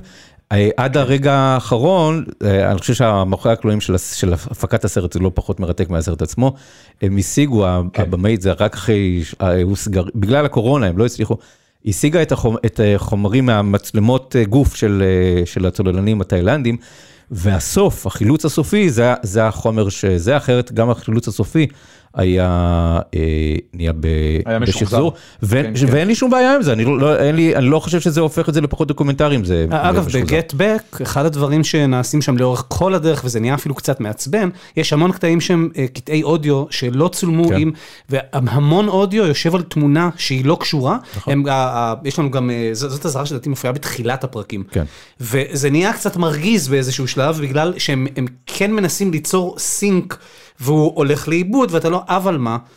Get Back זה, אוקיי, זה overlong כאילו, אבל בעצם, ה, ה, לי כ... הביטלס עם המקום שלהם בחיי נאמר, אני לא הייתי מוותר על דקה מזה ואני גם גם. צורך את זה נורא נורא לאט בתשלומים. וזה טריפ לא נורמלי וחלק מהעניין זה לא לפספס כלום, שום ניואנס, שום אמירה, שום איזה הערה, גם בגלל הנקודה שבה זה מצולם ב- בהיסטוריה של הלהקה. כן. זאת אומרת אידיאלית, תביא לי את המוזיקה מ Abbey Road ואת הסיטואציה של הלהקה פה וזה זה יותר טוב, אבל גם, האמת שגם לראות את הביטלס מייצרים כמה דברים שהם לא משהו, זה מדהים. זה אבל פשוט מדהים. בייחוד כשרואים רואים את בעצם כן משהו, אבל, אבל אה, יש עוד, עוד מניפולציה גדולה ב-Get Back, זה רואים מי ששם לב לזה, זה ה-reframing. אה, בגלל שהוא עשה rescanning של כל החומר גלם כנראה ב... באיכות נורא 50,000 גדולה, אז כן. יש זום, הוא, הוא בונה מחדש את הפריים אה, כדי לעשות קלוזאפים שלא היו אה, במקור, אבל אני חושב שזה חלק מהכלים של קולנוע תיעודי, זה חלק מהיצירתיות של קולנוע תיעודי, אף אחד לא מצפה שקולנוע תיעודי יהיה מין מצלמת אה, מעגל סגור בבנק, ו, וזה כן, מה באופן שזה. כללי, זה. מא- מאז באמת, אני אלך פה קצת פרובוקציה, אבל מאז ג'נין ג'נין, קולנוע דוקומנטרי זה משהו שהוא פתוח לפרשנות, מה זה, אתה יודע, מאז אני- לני ריפנשטל, בן כן, אדם. אבל- אבל-. אה, רציתי רציתי לעצור שם, לא היינו חייבים להביא. מאז ששמו מצלמה וקראו לזה במשהו. בדיוק, כן. אה, מאז ננוק איש הצפון, אה, שטוענים שזה. אבל אין לי, אה, אין לי ויכוח אומנותי, לא עם לני ריפנשטיין ולא עם מוחמד בכרי, יש ויכוחים אידיאולוגיים, אבל, אבל הם עשו, זה את, האמת שלהם? זה, הם עשו את מה שהמדיום הזה אה, מרשה ומאפשר להם לעשות. כן, ובנימה זו. אנחנו קרובים אז לסיום. מוחמד בכרי תהיה המילה אה, האחרונה בפודקאסט? לני ריפשטון. לא, לא, לא, לא. יש עוד משהו שלא כיסינו. קודם כל, אה, הסרטים שאתם הכי מצפים אליהם ב-2022, קאמרלינג, בוא נתחיל איתך. לא, אתה תופס. אותי קולו מוכן, חכה. כן, רגע. זה הקטע בפודקאסט הזה, אתה לא יודע? תן לי להוציא רגע מה-system, תן לי רגע להוציא מה-system, זאת לא הייתה שנה מדהימה, אוקיי? לכבוד האירוע הזה, אני ניסיתי לחשוב על הסרטים שכן באמת ככה תפסו אותי השנה, והופתעתי כשהצלחתי לייצר, כי אני, אני לא, לא עשיתי, כבר הרבה זמן אגב, אני לא עושה סיכומי שנה אה, במדור שלי, או אה, באיזשהו פורמט אה, עיתונאי, אז כן הצלחתי להגיע לרשימה הבאה, אני אוציא אותה מהסיסטם ברשותכם, בסדר? אה, ואז, אה, ואז כמובן שאנחנו, אני אציץ אה, מהר מאוד באיזה פריוויו של 22, ואני אגיד לך בדיוק לאיזה סרטים אני מצפה. הדו-קרב האחרון, רוכבי הצדק, משפחה מנצחת, פיג, לשחרר את גיא, שומר טינה, האב, עוד סיבוב, Judas and the Black Messiah, בסדר. אה, סיפור הפרברים ושכונה על הגובה. סך הכל, אה, וזה עוד לא כולל את ספיידרמן, אין לי מושג איך שכחתי אותו כאן. רגע, מה- אה, מה זה שכונה על הגובה? In the the Heights. In the Heights, השם העברי הנורא של In the Heights. שכונה על הגובה, אוי ואבוי. ואני מוסיף, אני מוסיף הערונת אה. ככה קראו לזה בעברית? כן, כן, כן, כן, עלבון גדול. ואני רוצה להוסיף הערונת על אה, מישהו יאהב מישהו, של הדס בן ארויה, שממשיכה להיות אה, אה, קול שאני פשוט, כל פעם, זה פעם שנייה שאני אומר, מה זה הדבר הזה, זה קולנוע שלא לא נעשה כזה בישראל מעולם, רק שתמשיך לעשות מה שהיא עושה ובקצב שהיא עושה, כי היא כבר עובדת על דברים אה, חדשים. אה, לא לכל אחד, זה מאוד אה, מאתגר במובנים מסוימים, אבל אז, אז אני ארים פה לברך של נדב לפיד. מישהו ש... אפרופו מישהו שעושה מה שבא לו, ואתה חי בתוך המוח שלו, ואתה רואה איך, איך זה נראה בתוך אה, הראש, ואתה אומר, וואו, האיש באמת מקורי, מעצבן, ב- הכל מה שאתה רוצה, כל זה, אבל, אבל באמת, אה, הוא, לא, הוא לא עושה סרטים כמו, כמו כולם, כמו כולם ב- בכל העולם. אז זה סרט, מבין הסרטים הישראלים השנה, משהו שהיה אה, יוצא דופן. אז אני, אה, סרטי, אני די הזכרנו פה את סרטי השנה שלי, אז אני לא מרגיש במצוקה, אבל הכרוניקה הצרפתית זה היה הסרט שאני אה, הכי אהבתי, אבל כל אחד מהסרטים הראשונים, במקומות הראשונים שלי היה כמעט סרט השנה שלי, כמעט סיפור הפרברים, כמעט חולית, אה, כמעט ארץ נוודים, רוב, ראיתי אותו בינואר, את ארץ נוודים, ורוב השנה חשבתי שזה הסרט הכי טוב שראיתי. נומדלנד, כן, שאתה קראת לו. אה, אני רוצה לה- להזכיר את אנט של לאוס קרקס. אפרופו זה שהשנה אדירה למוזיקה ולסרטי תעודה על מוזיקה ול-musicals, אז גם ה-musical הזה של לאוס קרקס זה, וספארקס. זה ה-what the fuck movie of the year שלי, זה באמת, ראיתי אותו רק בגלל ההמלצה יאיר, אה, ביחד עם אשתי היקרה, אה, ותחושה אדירה של what the fuck ליוותה אותי לאורך כל הצפייה, ולא בקטע רע, כן. אלא בקטע של איזה, איזה כיף, ואגב הייתה לי את התחושה הזאת מהרבה סרטים ב- בשנה הזאת, אה, איזה כיף שמישהו הצליח להשיג את המימון לעשות סרט כזה. אה, והייתה לי אגב תחושה דומה גם לגבי סוסייד סקווד וגם לגבי הספיידרמן האחרון וגם לגבי חולי, הם כולם סרטים שאני אומר איזה, איזה כיף שאנחנו חיים בתקופה שאפשר לעשות סרטים כאלה ושבמאים כאלה טובים מקבלים כסף לעשות סרטים כאלה. סרט הזוי ומוזר ומופרע. הזוי ומוזר, עם. אה, של הגיבורה היא תינוקת שמגולמת על ידי בובה. אז אה, צריך להגיד את זה, ועם אדם דרייבר שר.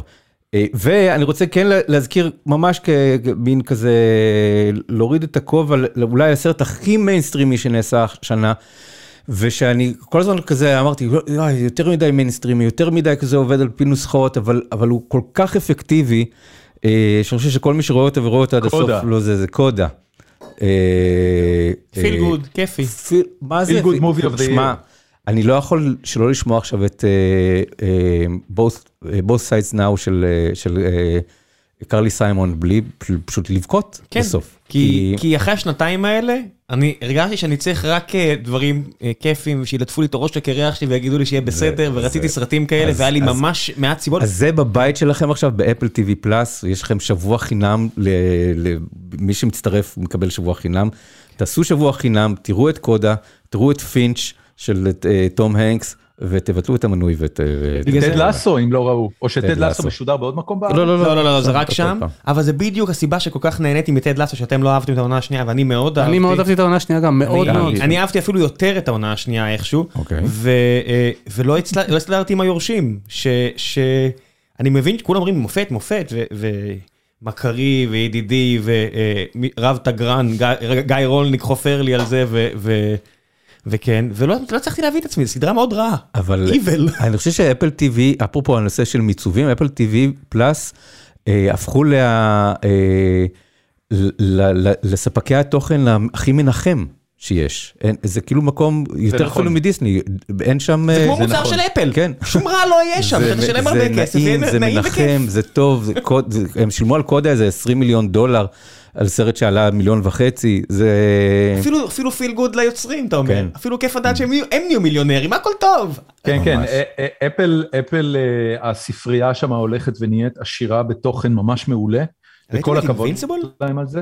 אה, באופן? כללי, אני, יאיר, בשנה שעברה כשעשינו את הפרק הזה, שאלת אותי על כמה שירותי סטרימינג אני מנוי, כן. אה, ו- ואמרתי, אם אני לא טועה, ארבעה, והשנה הצטרפו עוד שניים, זאת אומרת, נוסף לנטפליקס, HBO Max, אמזון פריים, ולא. זוכר מה מה היה הרביעי. דיסני? ודיסני פלוס, כן, אז הצטרפו אפל TV, אה, פשוט שברו אותי, לא, לא יכולתי, ברגע ש-CODA ו-Ted Lasso, לא הייתה ברירה, הייתי צריך אה, לעשות מנוי, והאחרון שעשיתי לו מנוי אה, ממש ברבעון האחרון של השנה היה פרמאונט, פרמאונט פלאס, אה, גם בגלל שאני קצת Trekkie וחנון, אבל גם בגלל שפשוט, גם שם הולך ונהיה יותר ויותר תוכן טוב, ואני מוצא את עצמי מתחיל את 2022 עם שישה מנויים לשירותי סטרימינג, כל אחד ב... וואו.